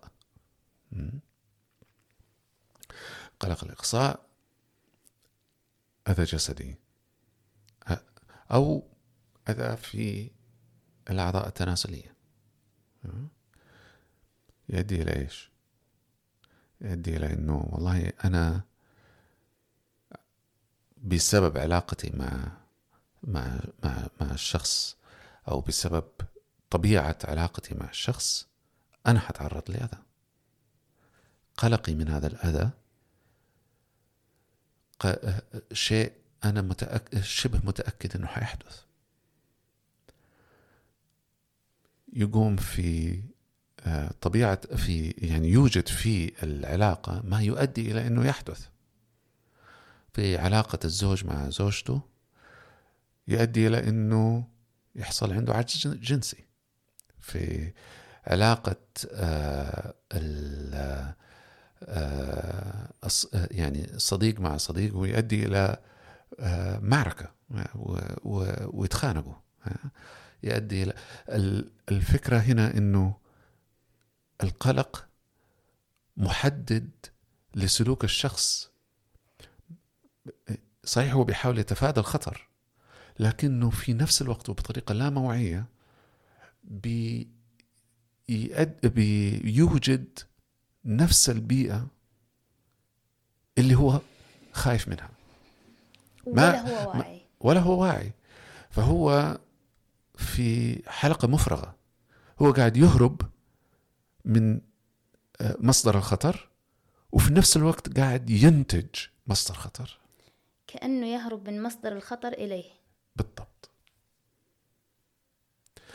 وكل ما زاد آه، يعني درجة اضطراب تنظيم الشخصية كل ما زاد مثلا في اتجاه الحدي آه، أو قرب من الاتجاه الذهاني التنظيم الجهاني الذهاني كل ما زادت حدة هذه المسألة وكل ما زاد تأثيرها على علاقات الإنسان. ف لو فقط نظرنا للقلق على إنه والله أنا ضربات قلبي بتزيد وبعرق كثير وبتجنب مواقف ولا بتجنب أشخاص ولا تخيلي كل الأشياء اللي إحنا ما بن نعيرها اهتمام في حياة هذا الشخص. بما إنه نحن ما نعرف هذه الأشياء وهذه المفاهيم فلما نجي العيادة وأتعامل مع الشخص في الغالب حأقع في الإعمال وحق يعني حأقع في الإنقال المقابل اللي أنا ماني واعية فيه. وحتصير آه، أخطاء مرة كثير يعني. صحيح. وحنحول المريض من معالج لمعالج أو من أخصائي لأخصائي أو من طبيب لطبيب لأنه إحنا ما إحنا فاهمين يعني إيش اللي قاعد يصير. ممكن نقول إنه هذا المريض غير متعاون أو زي ما كنت يعني ممكن نسميه مريض مزعج أو يعني نعم. حتى لو كان يعني الواحد ما حيقولها ممكن يقولها في راسه يعني. صحيح. ولكن يعني كثيرين إحنا قلنا يمكن ربما الأكثرية من اللي ينطبق على شخصيتهم النسق القلق موجودين في التنظيم العصابي. ف يعني حدة المشاكل هذه ما بتكون عالية المشاكل اللي هي البين شخصية العلاقية آه، ما بتكون عالية لما يكون التنظيم عصابي. بيكون واضح إنه نقدر نتعامل مع المريض حتى في العلاجات قصيرة الأمد قصيرة الأمد. يمكن علاجات قصيرة الأمد ما راح تحل المشكلة اللي في الجذور. لكن الإشكاليات اللي, بي اللي, بي اللي ممكن نواجهها في العلاج بتكون قليلة إلى حد ما. كل ما اتجه إلى اتجاه التنظيم الحدي ولا التنظيم الذهاني كل ما زادت الإشكاليات هذه. فطبعا لما لما تشوفي المعالجين اللي بي بي بيشتغلوا بالمنحى المعرفي السلوكي أو بالمنحى البين شخصي أو التدخلات اللي هي قصيرة الأمد. آه، نسبة عالية من اللي آه، بيعالجوهم بيكونوا آه، يعني بيكون تنظيم الشخصية عندهم عصابي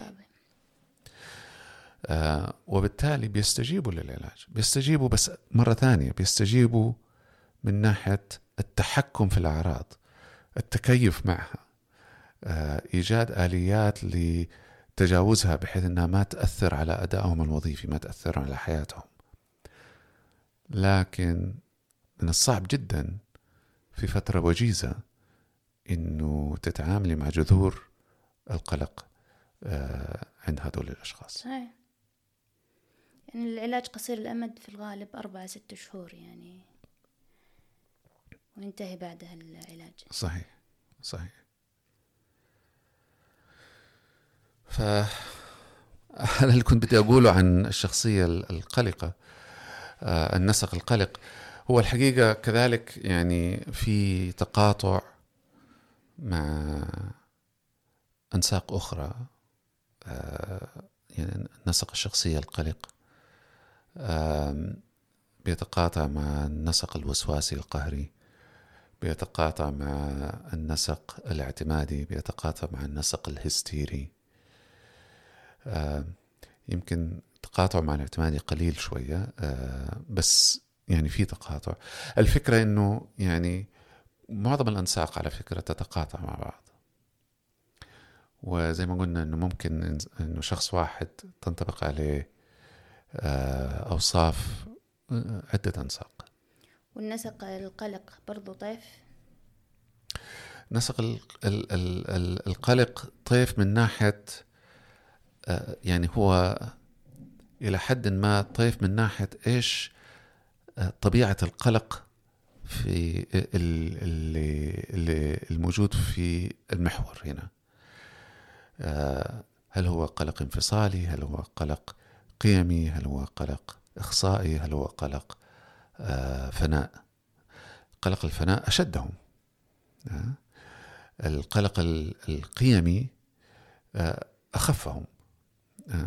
فواحد ممكن ينظر إلى النسق على أنه طيف من هذا المنظور. وانت برضو تتكلم جاء في بالي موضوع القلق عند الأطفال.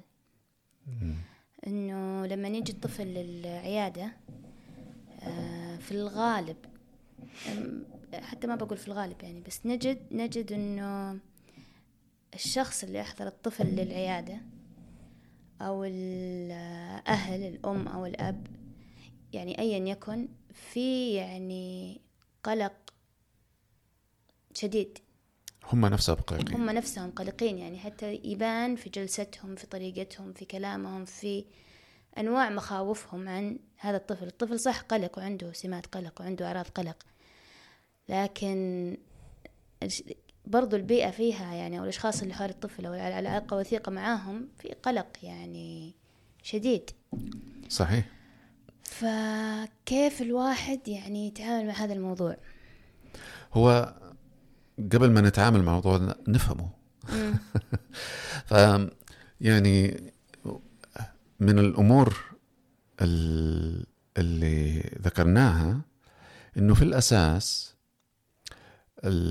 الاحتواء الكافي للطفل اللي يؤدي إلى إمكانية تطوير مهارة تنظيم المشاعر التنظيم الوجداني الداخلي عنده آه، يعني كان قليل في حياة الطفل.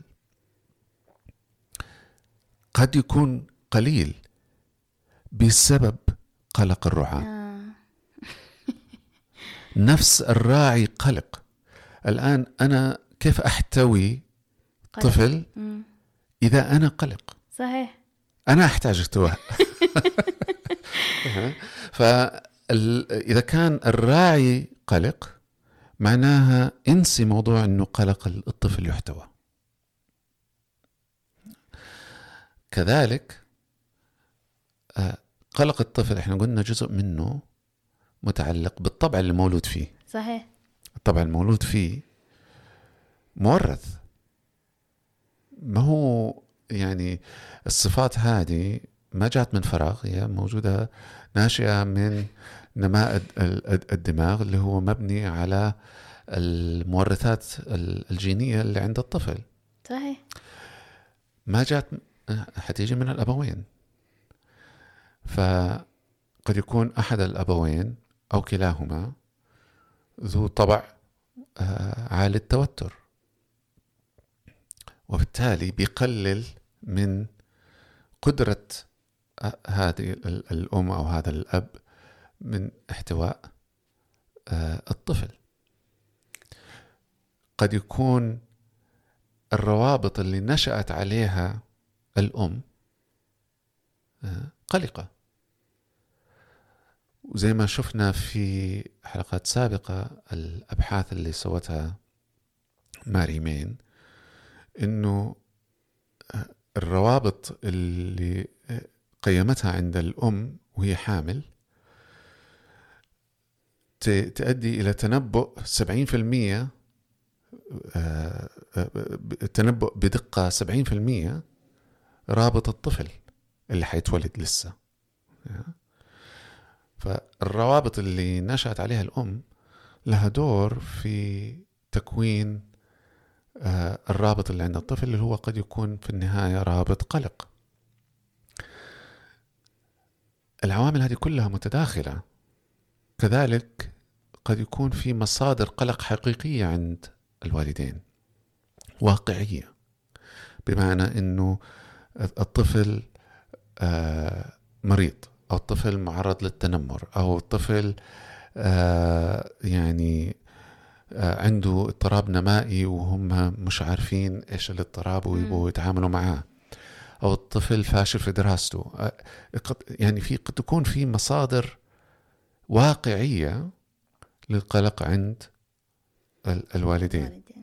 حتى لو الوالدين ما كان لهم دور مباشر في عدم احتواء القلق عند الطفل.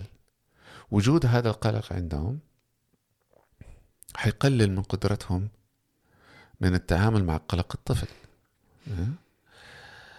حتى لو كان قلقهم هذا الثانوي لقلق الطفل يعني ممكن يكون الطفل عنده قلق شديد وأعراض القلق اللي عنده هي سبب قلق الوالدين. في ال... في ال... آه، آه، في معظم الأحوال لما يكون الطفل قلق وقلقه يسبب قلق للوالد في معظم الأحوال هذا الوالد هذه الأم هذا الأب عندهم ضعف في تنظيم مشاعرهم أصلا لأنه مش قادرين يحتووا الطفل. فحيكون في صعوبة إنه نتعامل مع قلق الطفل من غير ما نفهم كل الأشياء هذه. وعلى حسب إيش وجدنا في تقييمنا حنحدد إيش أسلوب التدخل المناسب. أنا في خبرتي الكلينيكية وجدت أنه نسبة عالية جدا من الأعراض اللي بنشوفها في الأطفال بعضها بتكون أعراض قلق وبعضها بتكون أعراض آه يعني ثانوية للقلق وبعضها بتكون أعراض سلوكية. يعني إحنا عندنا في في الطب النفسي للأطفال بنقسم الأعراض إلى آه، استبطانية واستظهارية. يعني ما بنتكلم على الأنساق الآن ها؟ بنتكلم على سلوكيات الأطفال. السلوكيات الاستظهارية اللي هي مؤثرة على الآخرين مؤثرة على البيئة. زي آه إنه فوضوي إنه عنيف إنه مندفع سلوكيا آه إنه آه بيستخدم لغة غير مناسبة بيشتم بي آه آه إنه بيتصرف تصرفات غير مناسبة اجتماعيا. آه إنه عنيد إنه بيختر بيخرق القوانين. أو السبطانيه قلق مكتئب منعزل آه آه يعني آه هذا النوع من الأعراض. سواء كانت استيطانية ولا استظهارية ممكن إنه يكون ما يدفعها قلق. والقلق هنا مصدر إيش؟ روابط قلقة. ها؟ دائرة من ال...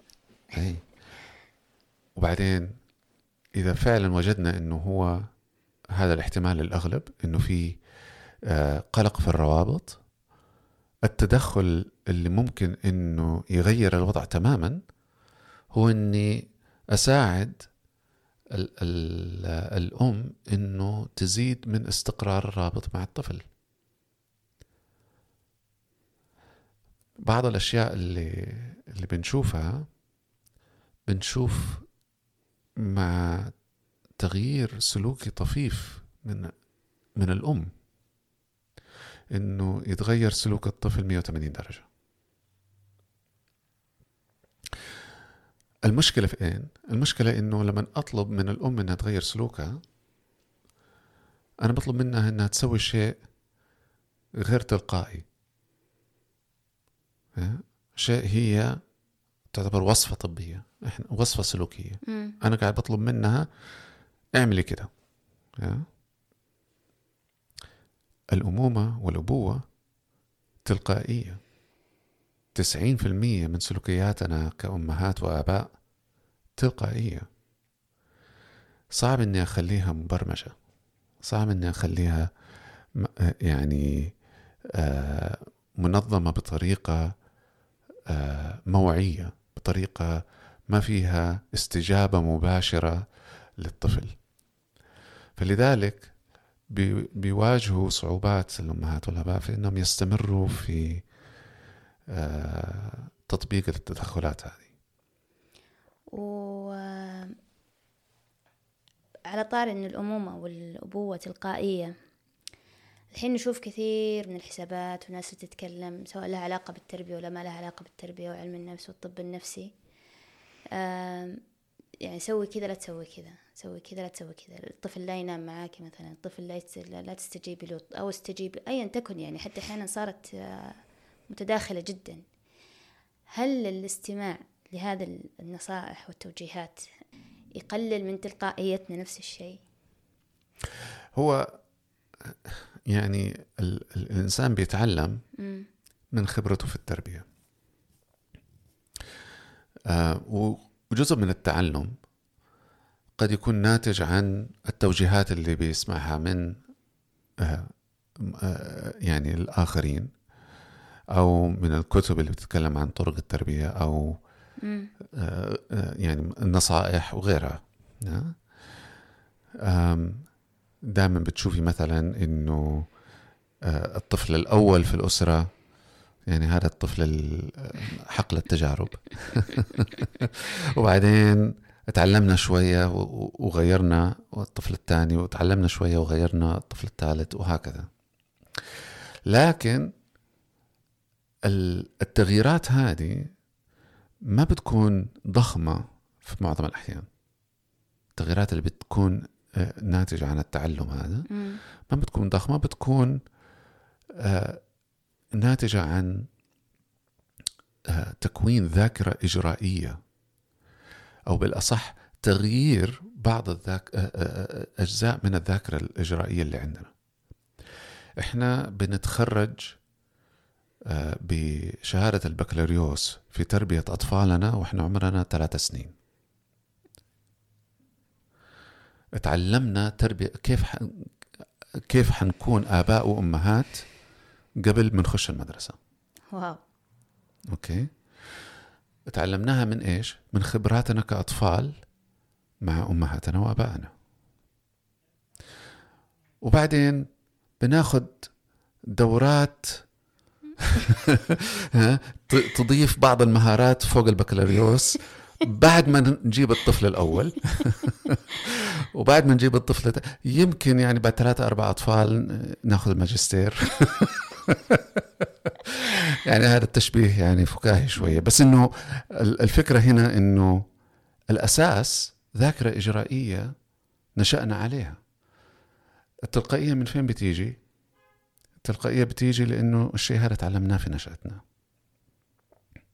طبعا في إضافات على آه، تربية الأم والأب لنا منها العلاقات مع الكبار المهمة في حياتنا الجد الجدة الخال الخالة العم العمة المدرس المعلمة آه، الجيران يعني أي أحد له دور مهم في نشأة الطفل من الكبار. وكون علاقة مهمة مع الطفل. حيكون إضافة على الذاكرة الإجرائية اللي هي بتحدد آه، الطبيعة التلقائية في التربية. المعلومات الإضافية اللي بناخذها من الكتب ومن النصائح ومن آه، الموجهين والمربيين وحتى من الأطباء والمعالجين النفسيين اللي بيوجهونا لطرق تربوية جديدة آه، ممكن إنها تدخل في في الشيء هذا. إذا نجح الإنسان في تطبيقها بشكل متواصل مزمن آه، يعني يعتمد عليه. المشكلة إنه الشيء هذا صعب إنه الواحد ينجح فيها بالطريقة هذه شيء صعب. لأنه معاكس لفطرته. أنا كأب أبغى أتصرف بشكل تلقائي. طبيعتي كده. وأنا قاعد أحاول أسوي شيء غير طبيعتي. فعشان أغير في طبيعتي المسألة ما راح تكون سهلة حتكون فيها نوع من الجهاد وتاخذ وقت طويل. وأنا أتكلم برضو على اللي تجي مثلا آه هناك دراسات قالت ما أدري في دراسات أصلا ولا لا بس يعني لازم تنقال هذه الكلمة. إنه الطفل المفروض ينفصل من الأم في من اليوم الأول في الغرفة في النوم يعني. بعدين يجي حد يقول لا يعني. بعدين يجي حد فيعني هذه كثرة الأشياء اللي أصلا متضاربة. مصادر المعلومات مصادر متضاربة. المعلومات المتضاربة أيوة صحيح. كيف أعرف أنا؟ كان إجابته صعبة يعني بس يعني بشكل عام إيش الشيء اللي يخليني كأم أقول إنه هذا يعتمد عليه؟ كمصدر وهذا لا يعتمد عليه كمصدر. أو أنا بالتجربة ممكن أشوف يعني. هو الحقيقة يعني آه مسألة صعبة. ال ال ال يعني اللي اللي قاعد يحدث فعلا إنه في مصادر معلومات كثير وكثير منها متضارب وكثير منها مش دقيق. مصادر المعلومات الموثوقة آه قد تكون قليلة قد تكون صعب الوصول لها أو قد يكون صعب فهمها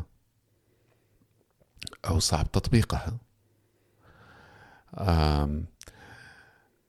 اللي آه، الشيء المنتشر كثير هو إنه الإنسان لأنه الآن في هذا الزمن مصادر المعلومات يعني مليون. آه، يميل لاختيار اللي يناسب طبعه. بمعنى إنه أنا إذا شفت قدامي أربع مقالات عن كيف أتعامل مع الطفل حلاقي نفسي ميال للمقال اللي هو أقرب إلى طبيعتي اللي ما تح ما تحوجني إني أتغير كثير مم. اللي تناسب تفكيري ومعتقداتي وثقافتي آه ف بالطريقة هذه أنا أوجدت لنفسي تبرير لإني أستمر بطبيعتي. أقول إنه والله أنا قريت لفلان الفلاني المشهور في في السوشيال ميديا إنه آه، لازم أعمل كذا وأنا بعمل كذا. لكن اللي أنا سويته إن أنا أوجدت لنفسي مبررات إني أستمر كما أنا. أو أستمر بطريقة مناسبة لمعتقداتي وتفكيري وفهمي لطريقه آه، التربية. هذه هذه ظاهرة منتشرة جدا. و لما لما تكثر النصائح وتكثر مصادر المعلومات طبيعة الإنسان إنه يعمل كذا طبيعة الإنسان إنه يتجه للي أقرب له. صحيح. لا يعني بالضرورة إنه هذا هو الأفضل. وحتى لو وجد الأفضل الأفضل قد يكون صعب عليه إنه يطبقه صعب صحيح. إنه آه، يستمر فيه. صعب إنه آه، يغير طبعه علشان يتوائم مع الأفضل. الأفضل لشخص مو شرط يكون الأفضل لشخص ثاني يعني الأفضلية تختلف من شخص صحيح لشخص. صحيح. يعني التعميمات أصبحت هي القاعدة الآن إنه الإنسان يعمم آه، ويفهم الأمور بشكل سطحي ويعمم وبالتالي حيجد حل سطحي معمم ويجي يطبقه وبعدين يتفاجأ إنه ما ما نجح. أو يختار الحل السطحي اللي هو يشعر إنه مناسب لطبيعته. وبعدين لما ما ينجح معناته المشكلة مش مشكلته مشكلته مشكلة الطفل ولا مشكلة يعني أي شخص ثاني خرجنا شوي من موضوع خرجنا من موضوع ال- ن- نسق الشخصية القلق. بس إنه يعني آه، كويس إنك أنت خرجتي بالموضوع لأنه إحنا دحين في نهاية الموسم الأول من البودكاست. يعني بدينا البودكاست ب الحب الأول. بالحب الأول وبالعلاقات ال- الأولى بين الطفل والأم والطفل والأب وبتكوين الروابط والنماء النفسي وتكلمنا عن بعض نظريات النماء النفسي آه، اللي هي بدورها أدت إلى أنه ندخل في آه، مفاهيم محورية زي الثقة وال- والنرجسية و, و وهذه بدورها أدت إلى أنه نتكلم عن آه، تكوين الشخصية. آه، فكون أنه في النهاية يعني لفينا اللفة كاملة ورجعنا مرة ثانية للتربية والأطفال آه، والعلاقة مع الأبوين أتوقع كان شيء مناسب. يعطيك العافية دكتور. شكرا جزيلا. يعني كالعادة الوقت يمضي ولا نشعر به وممتع جدا. آه شكرا جزيلا. وإن شاء الله الحلقة الجاية حتكون أول حلقة في الموسم الثاني. بإذن الله شكرا جزيلا دكتور. العفو. يا أهلا وسهلا.